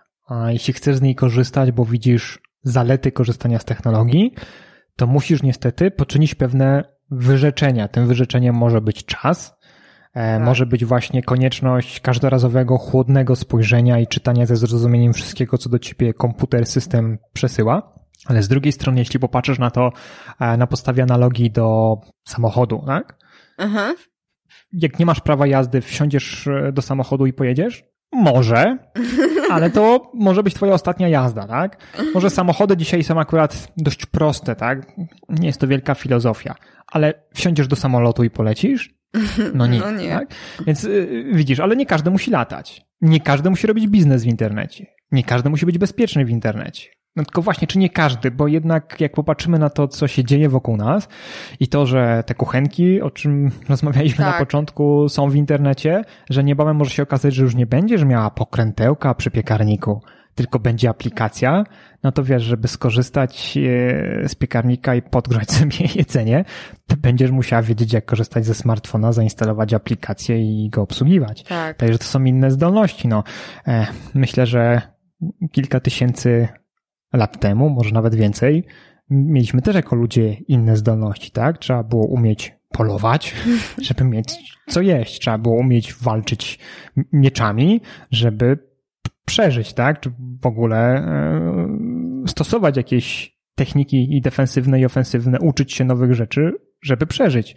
No dzisiaj my też trochę walczymy o to życie, tylko w dużej mierze jest to życie cyfrowe. Tak. Jeśli, jeśli nie będziemy e, odpowiednio o to życie walczyli, nie będziemy chcieli zwracać na to uwagę, to stracimy.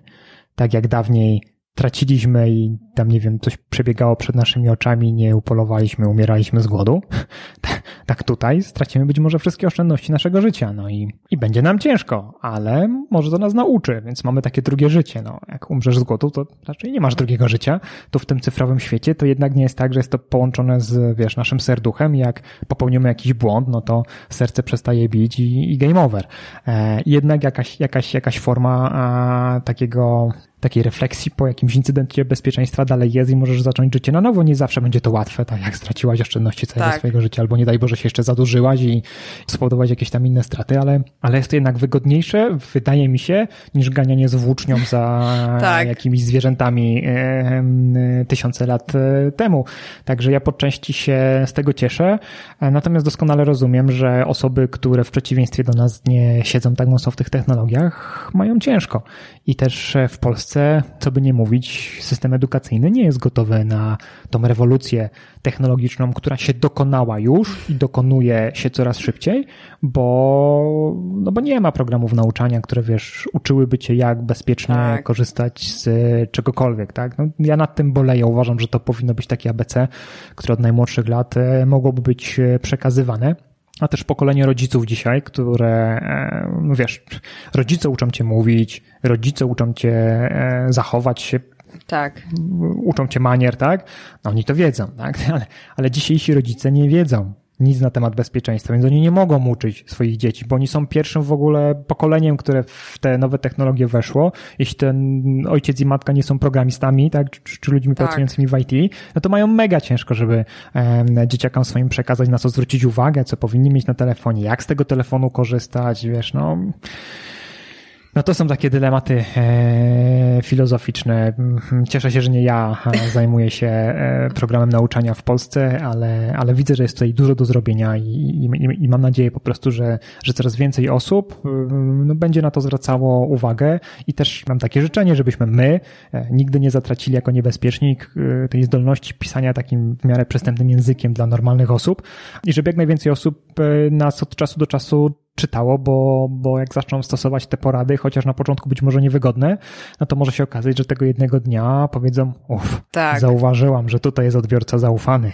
a nie przelew do Tauronu, tak? Tak, tak, tak, ale ja ci powiem, że ostatnio byłam e, na wyjeździe i byłam w hotelu, było Wi-Fi oczywiście i to nie była otwarta sieć, że wszędzie dostępna, tylko hotelowa, nie? Teoretycznie zamknięta.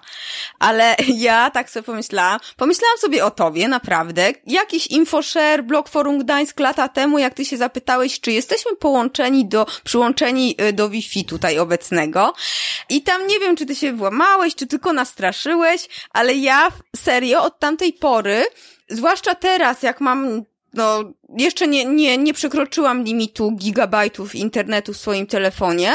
Ja już się nie loguję, bo ja po prostu cały czas pamiętam to, że okej, okay, tutaj są też inni przy w tej sieci, inni znają to hasło i nawet jak się nie loguję do banku, no to i tak y, ja na, na tym komputerze, na tym telefonie jestem zalogowana wszędzie. I właśnie takie, takie nawet małe rzeczy, nie? Żeby tam się zapalała ta żaróweczka. Tak, wiesz, no y, to o czym ty mówisz, to, to było podstawienie e, sieci bezprzewodowej, która była złośliwa podobna i wymuszanie na telefonach osób, które były na sali, żeby się podłączyły do tej mojej sieci, tak? Ja mogłem nieszyfrowane, czyli znowu nie połączenia do banku, Aha. ale te nieszyfrowane połączenia podsłuchiwać. Patrzeć, gdzie się łączycie, jakie macie aplikacje mhm. na telefonach. No wiesz, no jest to na pewno widowiskowe. Można sporo rzeczy złych e, zrobić, Mo, można te telefony atakować, jeśli ktoś nie miał zaktualizowanych telefonów, a jeśli ja dobrze pamiętam, to wtedy sporo nie było zaktualizowanych. Natomiast to też nie jest tak, że każdy, wiesz, e, z takim urządzeniem, które ja miałem, chodzi za tobą, czy, tak. czy do hotelu je rozstawia. E, no ale tu, tu znowu wracamy do tego, że jeśli ktoś wdroży pewne zabezpieczenia, takim zabezpieczeniem akurat na ten atak, o którym ty mówisz, czy w ogóle na podróże, to jest chociażby korzystanie z tak zwanego VPN-a. Tak? Są, są darmowe nawet niektóre aplikacje, które możesz zainstalować na telefonie e, i wtedy masz gwarancję, że wszystko z twojego telefonu, nawet jak wchodzisz gdzieś po HTTP, czy bez tego mhm. S, bez szyfrowania, ale wszystko, co puszcza twoje urządzenie, telefon, laptop, jest zaszyfrowane do jakiegoś serwera w internecie. Tam już wychodzi do internetu normalnie, jak z sieci hotelowej, gdybyś nie miała tego VPN-a. -hmm. Natomiast to ci gwarantuje, że jeśli na tej konferencji, w tym hotelu, gdzieś obok ciebie jest ktoś, kto jest złośliwy i on cię nawet zaatakuje i przechwyci twoje połączenie, co -hmm. jest mhm. możliwe, to on nic nie zobaczy poza śmieciami, które są szyfrowane i on ich nie zdekoduje, nie zmieni, wiesz, nie podejrzy. Także to jest taka prosta rada, no. I ona rozwiązuje ten problem. I na wiele takich popularnych zagrożeń, bo ich nie jest nieskończona liczba, są takie proste rady, tylko ktoś musi te rady komuś przekazać. Możesz teraz, wiesz, przejść i 10 lat artykułów na niebezpieczniku przeczytać, będziesz miała te rady, bo my prawdopodobnie o każdej z nich wiele razy pisaliśmy przy różnych incydentach. Ile czasu to zajmie? Nie wiem. Z chęcią bym w sumie zobaczył czy ile, ile czasu zajmie przeczytanie całości niebezpiecznika. E, natomiast możesz też e, no, poszukać e, rozwiązań trochę bardziej na skróty. My czasem publikujemy takie przekrojowe poradniki, na przykład przy wyjeździe na mundial publikowaliśmy jedziesz do Rosji, na co zwrócić uwagę. No i to było tak przekrojowe w zależności od twojego stopnia paranoi, nawet do e, kruszenia miętówek w, w loty na śrubki w, w laptopie, żeby zobaczyć, czy ktoś ci wiesz, wykręcał dysk, jak, jak, jak, jak byłaś w hotelu i poszłaś popływać, tak? Na, czy zeszłaś na śniadanie. No wiesz, rosyjskie służby to rosyjskie służby. E, ale nie musiałaś tego stosować, tam było dostosowane to do stopnia paranoi, także każdy mógł wybrać coś dla siebie i takich przekrojowych artykułów trochę mamy. No i, i, i wreszcie też e, myślę i, i zupełnie szczerze, chociaż zabrzmi może to tak e, w bezczelny sposób, no to my poświęciliśmy ostatnie dwa lata na to, żeby zastanowić się, co jest najważniejsze dla Polaka dzisiaj, jakie rady powinien wdrożyć i z tego powstał właśnie ten trzygodzinny e, wykład, jak nie dać się schakować, gdzie to jest demonstracja ataków na żywo, pokazanie tego na publiczności, od razu informacja, jak się zabezpieczyć i kolejny, jednocześnie cały czas mówiąc, od ciebie zależy, czy z tej rady skorzystasz, czy nie, bo każdy z nas jest inny. Dla każdego z nas coś innego jest bardziej wartościowe. To mogą być dane, to może być dostęp do danych, to może być integralność tych danych, to może być poufność tych danych, to może być telefon, to może być laptop, to mogą być zdjęcia, to mogą być dokumenty. Od ciebie zależy użytkowniku jak ty zastosujesz te rady w swoim kontekście. Nie zawsze musisz wszystkie z tych rad z tych trzech godzin stosować, ale zwróć uwagę, że jak zastosujesz którekolwiek z tych rad, to będziesz powyżej średniej polskiego społeczeństwa, więc jak ktoś nawet będzie mieć taką bazę danych, która wyciekła z brzoskwinie.pl i będzie łamać te hasła i on w pierwszych dwóch, trzech minutach ma kilka tysięcy osób i on zacznie je atakować, a ty masz odrobinę trudniejsze hasło, to zanim do ciebie dojdzie ten atakujący, bo on dojdzie, prędzej czy później dojdzie, to zwróć uwagę, że te tysiące osób dojechanych, które straciły pieniądze, którym coś przestało działać, one podniosą taki wrzask, że brzoskwinie.pl się dowiedzą, że coś jest nie tak, zaczną resetować wszystkim hasła, zaczną wprowadzać dodatkowe zabezpieczenia, pójdą artykuły w prasie. Czyli mówiąc wprost, nie będziesz mięsem armatnim, tak. jeśli zrobisz cokolwiek z tych rad. Czyli dalej będziesz do dojechania, jeśli ktoś będzie chciał cię dojechać, ale no, te najpopularniejsze ataki, najczęstsze ataki tych mniej wykwalifikowanych atakujących, one cię prawdopodobnie ominą. I to jest coś, co myślę, że każdy powinien e, wziąć pod uwagę, tak? Że nie musimy być doskonałymi ekspertami e, z bezpieczeństwa. Jeśli zrobimy cokolwiek, e, czyli chociażby korzystanie z tego menadżera haseł, już bardzo sobie pomożemy. Tylko właśnie trzeba wiedzieć, trzeba mieć kogoś, kto ci powie. Nie zaklejaj kamery w laptopie, jak masz zrobić jedną rzecz, tylko jednak użyj tego menadżera haseł. To jest tak z milion razy ważniejsze od tej zaślepki na kamerze. My jako ludzie spoza e, tej, tej branży bezpieczeństwa, normalni, kowalscy i nowakowie, no to my nie czujemy tego, czy ten menadżer tak. haseł jest większym, ważniejszą rzeczą, którą powinienem zrobić, czy, czy ta zaślepka, tak? I ja to doskonale rozumiem, bo jak ja idę do warsztatu samochodowego i mi ktoś mówi, że korek spustu pod czymś i uszczelka i tak dalej, to on mógł mi powiedzieć, że kosmici tutaj e, są potrzebni. Ja bym powiedział, dobra, róbmy, tak? No bo ja się na tym za cholerę nie znam. Tak. Mogą mi wmówić wszystko, a szczerze mówiąc, no ja też nie mam czasu na to, żeby, żeby się na tym poznać. Mógłbym pewnie skończyć jakieś, nie wiem, studia, zobaczyć kurs, poczytać książki, ale nie chcę, to mnie nie interesuje. Ja chcę jeździć samochodem, on ma mnie przewieźć z punktu A do B. Mnie nie interesuje, jaki on ma olej, jak działa sprzęgło, jak działa hamulec ręczny. On ma działać, jak nie działa, to idę do kogoś, kto ma mi to naprawić. I bardzo bym chciał, żeby twórcy technologii technologii tak samo myśleli o zabezpieczeniach. To znaczy, żeby projektując zabezpieczenia, projektując usługi internetowe, robić jak najmniej takich miejsc w tych usługach, takich procesów, gdzie coś może pójść nie tak z winą użytkownika. Są odpowiedzialne metody tworzenia serwisu. Można, wiesz, resetować hasło po numerze PESEL, które wpisujesz, a można resetować hasło w taki sposób, że musisz zadzwonić na infolinię, ktoś tak. cię o coś odpyta, będzie zweryfikowane skąd jest ta rozmowa, będziesz odpytany o to, nie wiem, jakie było pięć ostatnich twoich połączeń telefonicznych i tak dalej, czy takie rzeczy, których y, nawet jak nie masz dostępu do konta, to mniej więcej pamiętasz, a atakujący już nie pamięta. To, to można zrobić lepiej.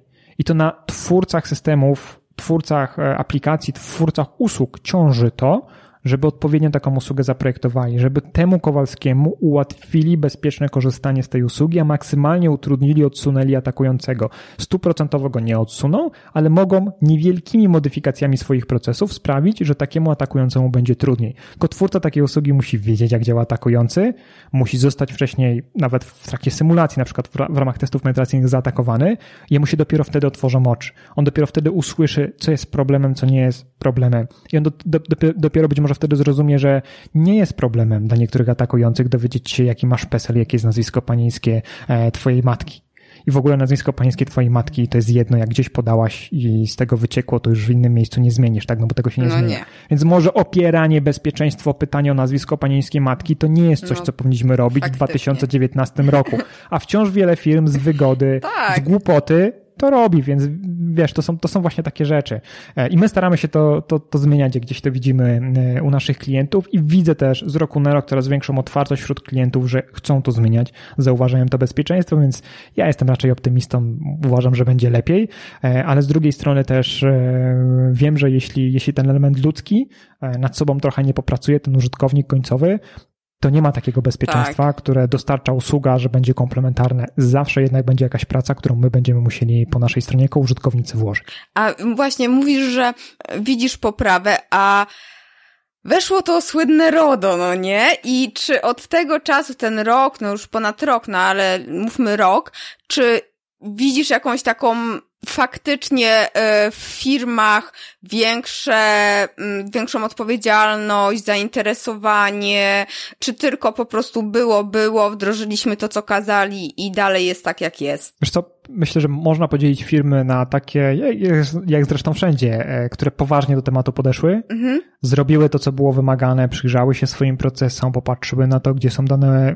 jakie dane, kto ma do nich dostęp, czy powinien mieć dostęp, czyli zrobiły to, analizę pod kątem prywatności swoich procesów, co powinno być zrobione. Są też takie firmy, które po prostu pojechały na tak zwanych szablonach, tylko po to, żeby być compliant, tak? Tak. E, I te firmy prędzej czy później pewnie ucierpią i mam nadzieję, że audytorzy UODO, którzy będą do nich przychodzili na kontrolę, to zauważą, że to była taka firma, która nie do końca się przyłożyła, bo to jednak widać i takie firmy będą karane zdecydowane, zdecydowanie bardziej rygorystycznie w stosunku do tych, którzy się starali, a nie wyszło, bo naprawdę każdemu może nie wyjść. To umówmy się, że ten incydent, y, on się prędzej czy później y, zdarzy, tak? My powinniśmy się na niego przygotować i wiesz, możesz się na niego przygotować tak, że albo albo masz e, hasła właśnie w formie jawnej w bazie, wielkie nie, nie, albo masz hasła skrócone, no już lepiej, ale możesz mieć tak skrócone, że się je łamie w milionach na sekundę, możesz mieć tak skrócone, że się je łamie 2-3 na sekundę. No to no wiesz, tak. to jest sześć rzędów wielkości różnicy, jeśli chodzi o czas. I to, i to, i to właśnie nam e, całe to wejście e, UODO pokazało, że były firmy, które były tym zainteresowane, które być może pierwszy raz wtedy spojrzały na bezpieczeństwo, ale jak w życiu. Niektórzy powiedzieli, kurde, no musimy to zróbmy po kosztach, bo nas to mało interesuje, a inne mówią, hm, musimy a czy to ma jakiś sens? O kurde, to ma sens, tak? To może pomóc naszym użytkownikom, no to, to fajnie, że w sumie to będziemy robili, bo, bo to dobrze, żeby to zrobić, tak? Więc to jest, to jest kwestia tego, na kogo trafisz, kto tworzy taką usługę i jak, jak bardzo poważna jest taka osoba, czy, czy, czy zarząd, czy osoby w ogóle decyzyjne w, w takiej firmie. Ja uważam, że wejście GDPR-a, wejście tak. RODO, to była bardzo dobra rzecz, bo nawet jeśli na niektórych firmach nie wymuszono poprawnego podejścia do pewnych procesów, do obsługi danych użytkowników, to sami użytkownicy otrzymali narzędzia, którymi mogą teraz te firmy przytykać w nos i mówić, słuchajcie, no proszę mnie zapomnieć, tak? Proszę tak. skasować moje dane, proszę mi pokazać skąd macie moje zgody. Ja tej zgody nie wyrażałem, e, a jak e, coś się nie podoba, czyli za długo reagujecie, to ja tutaj mam ścieżkę, gdzie mogę zgłosić skargę do e, organu, który jest organem nadzorującym i wam zrobi kontrolę. I bardzo dobrze niech takie kontrole będą jak najczęściej, bo one tylko całą tą patologię, która na tym naszym rynku usług internetowych jest, wyplewią. Miejmy nadzieję, tak? chociaż e, z tego co wiem, no to też e, pracowników UODO nie ma aż tak wielu, e, jak powinno być, żeby tak. oni efektywnie, efektywnie działali. Natomiast też umówmy się, że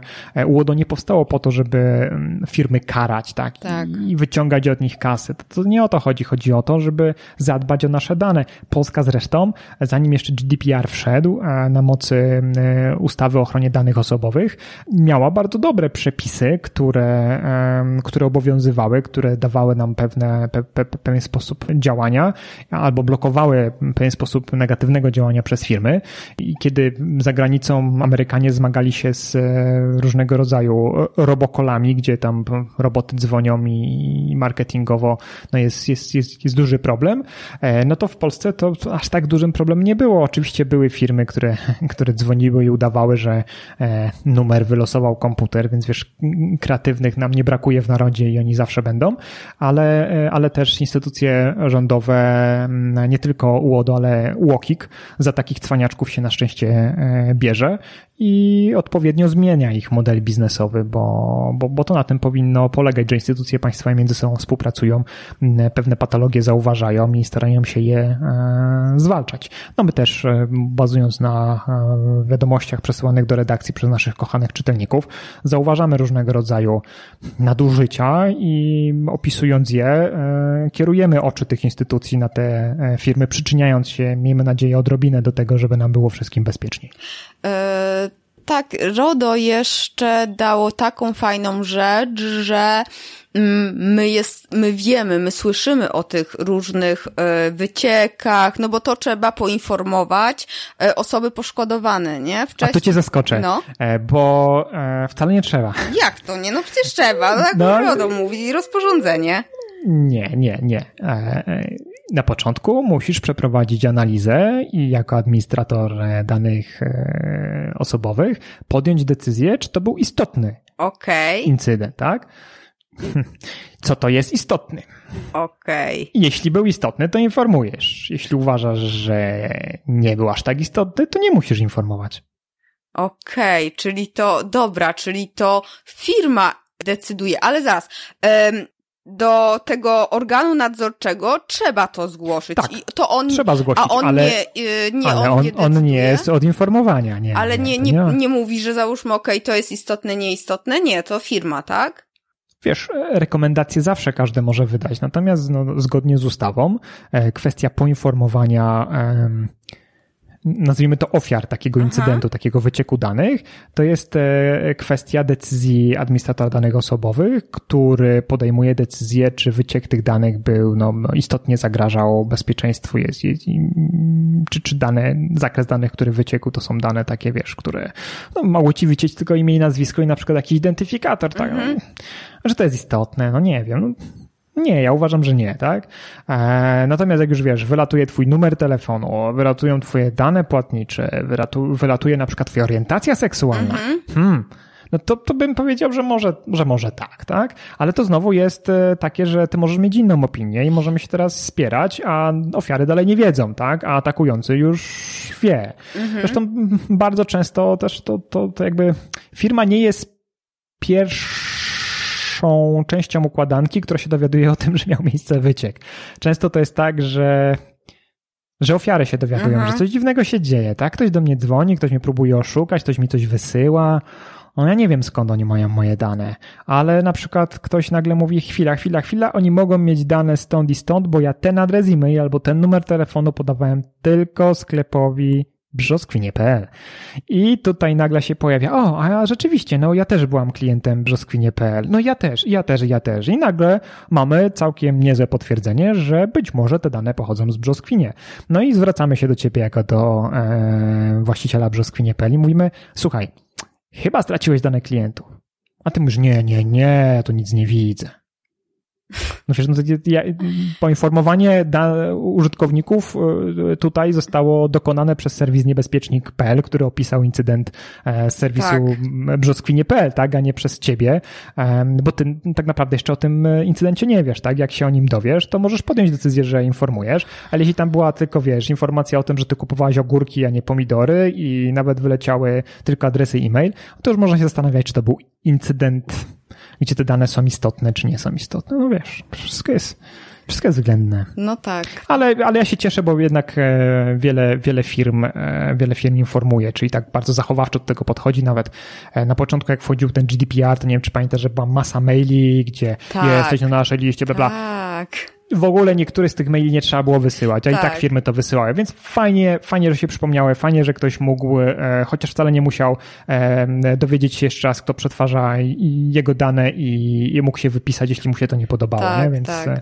dużo było widać, wypisów. Widać było tak, dużo, dużo firm się bało, że, że jak tego nie zrobi, a nie, nie ma jasnej interpretacji, to że coś im się stanie. No i widać, że jest potrzebne. Potrzebny jest taki ktoś, kto stoi, bo przynajmniej na część rynku on działa tak chłodno. Tak, ale oczywiście. Tamująco. Wiesz, no ja jako tam jednoosobowa działalność gospodarcza też, no kurczę, wcześniej w ogóle nawet nie, nie zdawałam sobie sprawy, że ja nie mogę jako firma używać darmowego Gmaila, nie?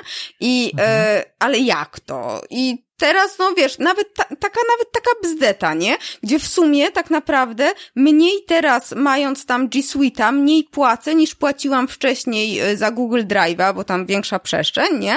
Nawet lepiej na tym wyszłam, ale to właśnie dzięki tym tutaj y, straszeniom RODO, no ja się w ogóle zaczęłam tym interesować jako, no, jako osoba e, prowadząca działalność. Mm -hmm. Więc nawet takie małe, e, małe, małe firemki jak moja e, mhm. też coś mogły zrobić. Ale e, jeszcze takie mam ostatnie pytanie. Czy ja jako firma, właściciel brzoskwinie.pl ma, mogę w jakiś sposób chociaż tak, no nie wiem, na jakieś takie małe rzeczy zwracać uwagę, jak podpisuję, no nie wiem, współpra- e, chcę podjąć współpracę z jakimś tam SASem, jakimś narzędziem, e, hostingiem, e, nie wiem, kurczę, narzędziem do wysyłki maili, no bo tak naprawdę, okej, okay, ja im przekazuję dane moich klientów, ja z nimi podpisuję umowę powierzenia danych, przetwarzania danych osobowych, mhm. Ale jeżeli u nich coś się stanie, u nich coś się sypnie, to i tak ja jestem właścicielem tych danych i to na mnie odpowiedzialność y, leży za bezpieczeństwo, nie?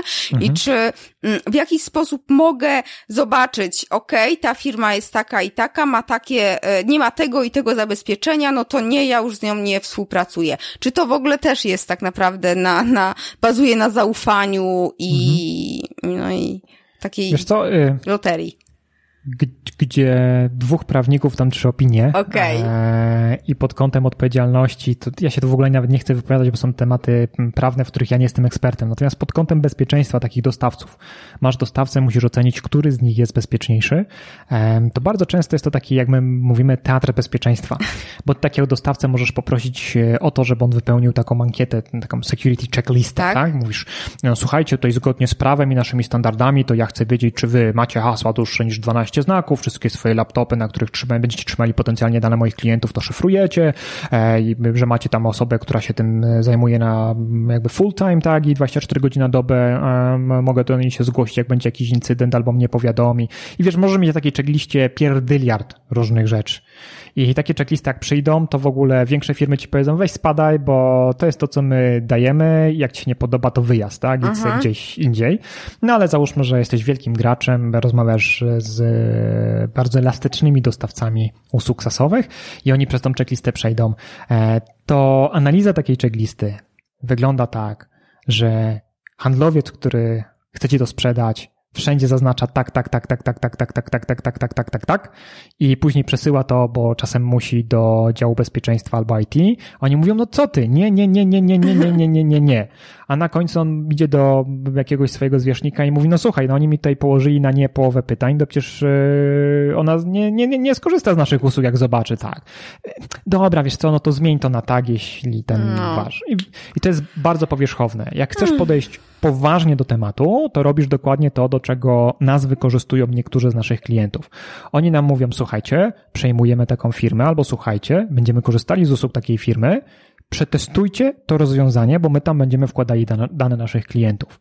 I to jest klient, który chce kupić coś od firmy XYZ dostawcy, i my testujemy systemy tego dostawcy, ale to nie ten dostawca nam płaci za to, że my ulepszymy jego pro, produkt, tak. znajdując w nim błędy i on te błędy załata. Nie, nie, nie. To klient płaci bo to klientowi zależy na tym, żeby ta usługa, z której klient będzie korzystał, ten potencjalnie korzystał, ten XYZ, był bezpieczny. Czy wiesz, on ma swoich jakby gości od mokrej roboty, no bo tak to taki dostawca YZ mówi, panie, my tu mamy 10 certyfikatów, 5 firm nas testowało, nie? A oni, dobrze, dobrze, okej, okay, ale my tu mamy naszych, którymi to was przetestujemy, tak? Bo my im ufamy, my wiemy, jak oni działają i wiemy, że oni znajdą wszystko, a nie tam, że ten certyfikat, który nam pokazujecie, tak. to to jest coś, gdzie tam wy się znacie z tymi firmami, bo wy im płaciliście, no to oni mogli być bardziej zobligowani, żeby na coś przymknąć oko, albo użyć, jak to pięknie się mówi w korpoświecie, innego wordingu, żeby, wiesz, tak. wyglądało to tak, a nie inaczej, a w rzeczywistości było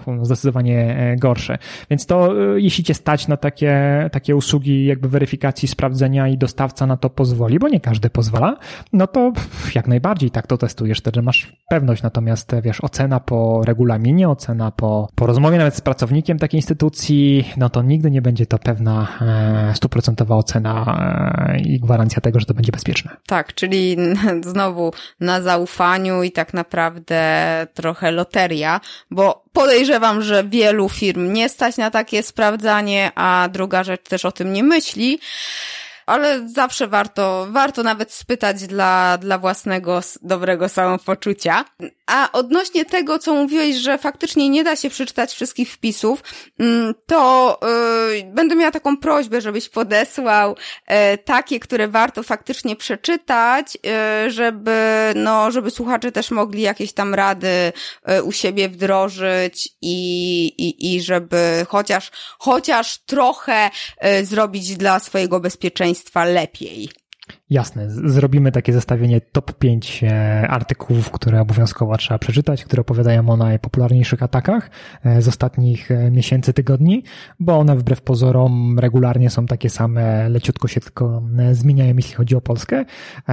I wybiorę też takie, takie artykuły, które dotykają sfery życia prywatnego, co można zrobić lepiej, na co zwrócić uwagę i też z jakich narzędzi czy technik skorzystać, żeby właśnie trochę się odsunąć od tego, od tej średniej, być powyżej E, mięsa armatniego normalnych tak. internautów, którzy zostaną zjedzeni w pierwszej kolejności przez atakującego. Super, ja Ci ślicznie dziękuję za rozmowę. W sumie mieliśmy rozmawiać godzinę około, rozmawiamy prawie, prawie dwie.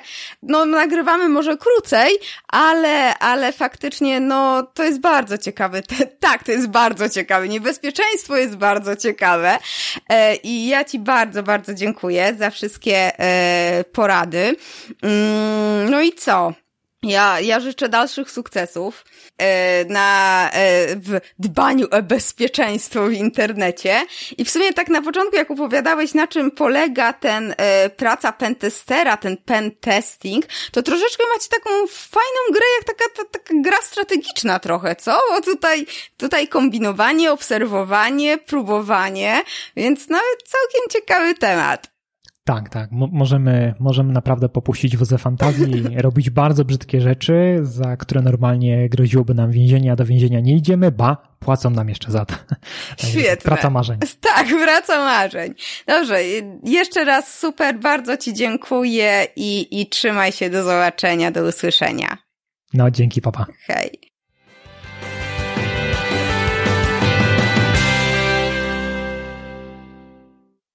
Naprawdę Piotrek otworzył mi oczy i kilka klapek w mózgu odnośnie bezpieczeństwa w sieci. E, no halo, te zaślepki na kamerki w laptopach. E, no mam i ja. E, ale faktycznie kogo obchodzi, co ja robię przed komputerem w domu? No ale dobra, jak już mam, to już niech będzie. Jeżeli trochę mentalnie się lepiej czuję, no to faktycznie już nie będę jej usuwać. Mm, ty też nie musisz, oczywiście, ale menadżera haseł to e, sobie spraw. To i ja polecam. Ogólnie to zachęcam Cię do regularnego odwiedzania serwisu niebezpiecznik.pl. Ja to robię już od dawna i przynajmniej jestem choć trochę bardziej ostrożna. To nie jest proste, bo jednak mm, cały czas gdzieś biegniemy, pędzimy i no, przepisywanie kodów z SMS-ów i u mnie czasem bywa bardzo automatyczne, chociaż, e, no, teraz czytam. Czytam te SMS-y i, e, no, niebezpiecznik.pl mnie uświadamia co krok, że, że faktycznie czasem warto zwolnić i zadbać o swoje bezpieczeństwo, nie tylko na zewnątrz, e, na ulicy, ale także w internecie. Co? Ja wszystkie linki do, do ogólnie do tych rzeczy, o których rozmawialiśmy, umieszczę w notatkach na stronie achmieleska.com łamany na 052. Tam też umieszczę linki do ciekawych artykułów, które Piotrek poleca, które naprawdę warto mm, przeczytać. E, I jeżeli uważa, że ktoś z Twoich znajomych, może z pracy, szef, powinien posłuchać tego podcastu, a myślę, że wszyscy powinni e, posłuchać tej rozmowy i zapoznać się z ostatnimi przynajmniej artykułami na niebezpiecznik.pl, e, no to podeślij im link do tego odcinka, e, czy to na Spotify, czy bezpośrednio ze strony internetowej. Warto dbać chociaż troszeczkę o to nasze bezpieczeństwo i, i o nasze pieniądze, tak? no bo to też jest e, istotne, e, zwłaszcza, że wszystko już teraz praktycznie odbywa się cyfrowo. No i co? Do usłyszenia w następnym odcinku. Trzymaj się, pa, hej! Dziękuję Ci za wysłuchanie tego odcinka podcastu. W notatkach znajdziesz linki do stron, książek czy narzędzi, o których wspominałam. Zapraszam Cię także na mój blog achmieleska.com łamane na blog. Jeśli uważasz, że ten podcast może być pomocny także innym osobom, poinformuj ich o nim, a także zostaw opinię na iTunes. Niech konwersja i uśmiech będą z Tobą.